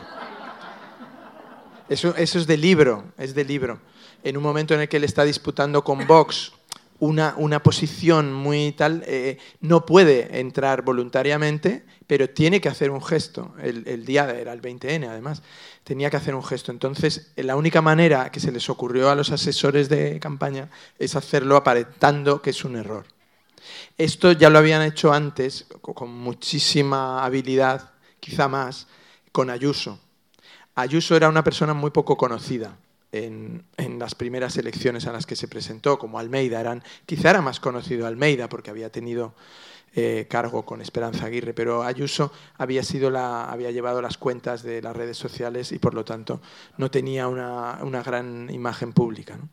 Pero sin embargo sí era muy conocedora, también viene de, ella estudió periodismo sin, sin mucha brillantez, pero viene del campo mediático, ¿no? Y entonces ella sí protagonizó varios, eh, digamos, eh, tropiezos que lo que, lo que provocaron fue un grado de conocimiento muy grande sobre su figura muy rápida. Porque uno de los problemas que tienes cuando lanzas un candidato tan desconocido, en este caso un candidato para perder, porque después de ofrecérselo a cuatro o cinco que veían que perdían, eh, el partido decidió un candidato de, pues de, de- transición, ¿no? Es decir, si va a más, pues lo mantenemos, pero si no, ya lo sustituiremos porque ahora no tenemos mucho que hacer. Bueno, y, se cometieron esos errores. Es, es muy interesante esa... Porque al final, ¿qué es el conocimiento? ¿no? Es decir, que te conozca la gente. Eh, todo el mundo sabe quién es Belén Esteban, todo el mundo sabe quién es Paquirrín, todo el mundo sabe quién es... eh, el otro día yo no sabía quién era Omar Montes o no sé qué. Antonio David Flores, pero el grado de conocimiento es muchísimo más alto que el de, bueno, no sé, cualquier científico, cualquier eh, doctor. Entonces, si hubiera una carrera entre ellos, el doctor tendría que, conseguir ese grado, por lo menos rozarlo para, para estar en la... Porque, claro, si, si la gente es muy difuso, es como el candidato, de hecho bromean con ella, ¿no? La candidata, ¿quién? No, no sé si os acordáis, el intermedio, el programa de, que presenta Wyoming, cuando fueron las primeras las elecciones que, de Juanma Moreno Bonilla, bromeaban mucho por la calle en, en Andalucía preguntando quién era el candidato del PP. Y la gente no sabía el nombre. Primero porque es un nombre difícil de memorizar si no pones atención. Y segundo, bueno, pues porque Susana Díaz era como la más conocida y tal. Y cuando hacen ese tipo de bromas a los candidatos inmediatamente les genera una doble, una doble reacción. Por un lado, el terror a que se haga cierto algo que se está tratando de ocultar, que es que no te conoce una gran parte de gente, no sabe quién eres. Y en el, en el otro caso es que esos chistes te vienen muy bien. Eh, porque, es decir, a Ayuso, como a Esperanza Aguirre antes, el humor sobre ella ha sido un regalo. Un regalo. Esto es una cosa que con Wyoming hemos hablado muchísimas veces y que eh, tiene también que ver con los medios, ¿no? Es decir, tú haces, ellos deciden una línea humorística, pero esa línea humorística él no la decide, ¿no? Porque no es el director, pero esa línea humorística puede eh, llevarte al extremo contrario del que buscas, ¿no? Por eso, ya nos recordaréis, porque sois muy jóvenes, que Gaspar Llamazares, cuando era el líder de Izquierda Unida, pidió de una manera formal al Canal Plus que introdujera su guiñol porque no podía ser que se burlaran de los demás y no se burlaran de él, porque eso le dejaba en una gran desventaja. Entonces, eso forma parte un poco de la política del, tropezón y, del error. Eh, contesto, si queréis, muy rápido a las dos preguntas para no alargarnos más y así nos, nos quedáis con ganas. ¿Quién era? Sí. Bueno, a ver. Ah, buenas tardes. Vuelvo casi al principio cuando el entrevistador preguntaba qué era lo político y la política. Yo creo, es, eh, con respecto a su novela y en general a, la vida, es importante que es eh, saber determinar qué es la política. ¿no? Y yo recuerdo, ya que ahora usted del instituto, cuando yo fui al instituto y estudiaba el siglo XVIII, los ilustrados, eh, encontré una definición que me sigue pareciendo la que tiene más virtualidades, la mejor, porque en realidad dice mucho o no dice nada, pero siempre estará vigente. Y decían eh, los políticos del 18 que la política era, el arte de hacer felices a los pueblos. Me pareció una definición fantástica. Y en todos estos años de transición, yo también fui un adolescente en la época de la transición y todo, he, descubierto que la política es el arte de hacer felices a los pueblos de forma entretenida, amena, aburrida, en, eh, en, la que en realidad nosotros, en esta especie de guiñol, eh, participamos perfectamente. A lo que antes se llamaba impostura, lo llamamos postureo. A lo que antes decíamos que era pura mentira, ahora decimos que es relato. Y jugamos y nos parece muy bien. Incluso eh, ya, ya cuando escucho a los políticos me creo más a José Mota imitándolos que a los propios políticos. Me parece más auténtico, más verdadero, es decir, más íntegro. Entonces, eh, me, parece todo muy curioso por, eso mismo, ¿no? Y cuando usted ha dicho, eh, ha recordado aquello de que al comienzo de la transición queríamos parecernos a Europa, sobre todo, la idea, yo recuerdo que, en esos mismos años pasaba veranos enteros en el extranjero, en Francia sobre todo, y eh, lo que más me sorprendía, y, volvía aquí, lo contaba, decía, los informativos solamente hablan en la televisión de juicios, jueces, economía y corrupción. Y, yo venía aquí, aquí no se hablaba nada de eso, ¿no? Y ahora, claro, echo la, la vista atrás o adelante y digo, ¿de qué se habla en los telediarios? De juicios, de economía y de corrupción. Es decir, ya nos hemos parecido a Europa, ya somos Europa, en ese sentido. Sí, sí. O sea que ya, ya conseguimos esta transición. Pero eh, su novela, yo la he leído como, como una novela, como una novela, e incluso a veces eh, hasta ingenua en el sentido, porque ya el cine americano hace muchos años el cine americano nos mostró un poco las tripas de la política, la parte de atrás, la trastienda, y ya sabíamos un poco ese juego, ¿no? esa especie de mercadeo en el que todo vale y a lo mejor nada vale. Pero entonces esa novela sí que me ha parecido divertida. quizá hace 40 años eh, esta novela podía haber provocado un debate, y ahora la vemos con la condescendencia de decir, sí, es graciosa, eh, Trueba es eh, irónico, es divertido, es gracioso, pero en realidad, eh, porque todo nos parece mucho peor de lo que realmente cuenta. Y, un último detalle, un famoso político de esta comunidad autónoma, y, me ha recordado eh, Basilio de, alguna forma, empezó siendo simplemente contratado por un partido político que, además no, él no tenía esas ideas políticas, lo, contrataron para escribir eh, los discursos los textos. Ah, y le gustó tanto, tanto, tanto, que dijeron un buen día, esta candidata, esta política, fuera y metemos al, periodista, que era periodista además, y lo metemos eh, de político. Debutó en la política, fue eh, tal, tal, tal, y bueno, y su, vida acabó, bueno, lo, mataron, lo ejecutaron en un, acto de ETA. Pero acabó así.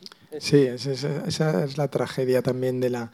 Mientras lo, hablabas me, acordaba de, que la, de la campaña francesa con Coluche, el, el cómico francés, como candidato que se retira para que no pierda Mitterrand, ¿no? Y para que finalmente no le restara votos, ¿no? Pero ahora tenemos, por ejemplo, en, en Ucrania, el presidente, fíjate, se puede estar enfrentando a una guerra a un tipo que hace unos meses era un cómico de la televisión, ¿no? Es, es bastante trágico el asunto. Bueno, quedaba aquí el del centro, no sé si te da tiempo a hacer el y ya, nos vamos. ¿qué? Ah, ostras. Sí, vale. Eh, me ha parecido, a ver si en algún momento lo has pensado o te lo ha comentado alguien, ¿no? Eh, al leer la novela, que el personaje de Basilio, si viajase unos cuantos años, a los 60 o así, ¿no? En algún momento a un personaje de, de novela de, de género negro, digamos, ¿no? De detective cínico, incluso Montal, a lo Montalbán, ¿no? Con ese gusto por la comida, ¿no? Eh, eh, muy sentimental, por otro lado, en cuanto a esos momentos en los que confiesa la raíz de su cinismo, ¿no? En una infancia eh, eh, y, y cómo de algún modo todos, todos- toda esa frialdad o esa, esa, esa visión, ¿no? Es- esa forma de mirar, ¿no? Eh, bueno, esconde un gran sentimentalismo, ¿no? Entonces, bueno, en muchos momentos, incluso por ese lugar desde, como tú has dicho antes, un poco al margen, donde mira ¿no? nuestra realidad, ¿no? Creo que es algo que también ha hecho la novela negra, ¿no? Han hecho los detectives, ¿no? En sus recorridos, po- junto a los políticos, junto a los corruptos, en otro mundo, pero que sigue haciendo la novela negra, evidentemente, y que en este caso lo hace un estratega político, ¿no? Entonces, bueno, en algún momento me recordaba a esos personajes, ¿no? Que el cine ha retratado también y la literatura, y bueno, simplemente quería preguntarte si en algún momento lo has pensado o, o te ha inspirado Sí. alguno de ellos o... Sí, sí, lo he pensado bastantes veces en, en la elaboración porque cuando yo definía, creo que él se define a sí mismo así, se define como lo que los americanos llaman un gun for hire, ¿no? Es decir, una pistola de alquiler, ¿no? Y, y eso es, viene, claro, del territorio de, de la novela negra, es decir, eh, tú estás empleado ¿no? para, para perseguir o para de- desvelar una, una trama que no sabes a quién le puede beneficiar y a veces puede beneficiar al mal, ¿no?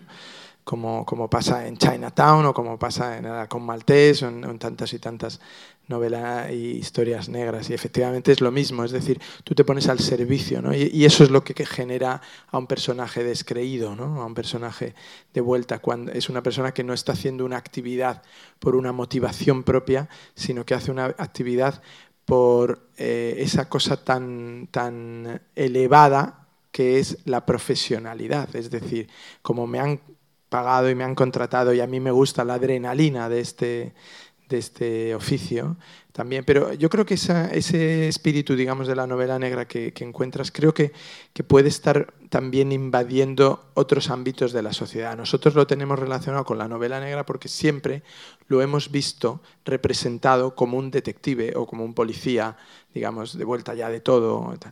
Pero creo que cada vez más vamos a ir viendo ese personaje más en el mundo del arte, en el mundo del deporte, que tú conoces también, en el mundo de, la política, de la ciencia, de, muchas cosas donde de pronto vamos a ir encontrando estos personajes que, que, que a la vuelta del camino dicen, bueno, eh, a mí ya no me pueden contar ¿no? cosas desde una cierta ingenuidad porque yo ya las he visto de todos los colores, ¿no? Y encuentras esos personajes tan, tan duros que tienen un atractivo por un lado y al mismo tiempo también te gustaría mantener una distancia con ellos para no, no estar eh, contagiado de ese, de ese cinismo, ¿no? que en muchas ocasiones es también una desactivación de, de la poesía. ¿no? Pero nada, gracias. Bueno, y gracias a todos, que nos hemos extendido un poco y, y ha sido un gusto. Muchas gracias a David Trueba. Es que ricasco. José.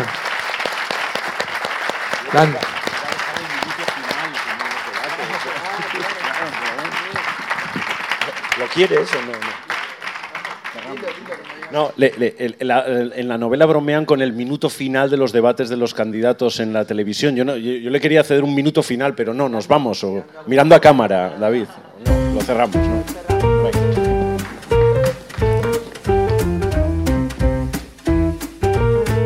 Donostia Kultura Irratiaren podcasta.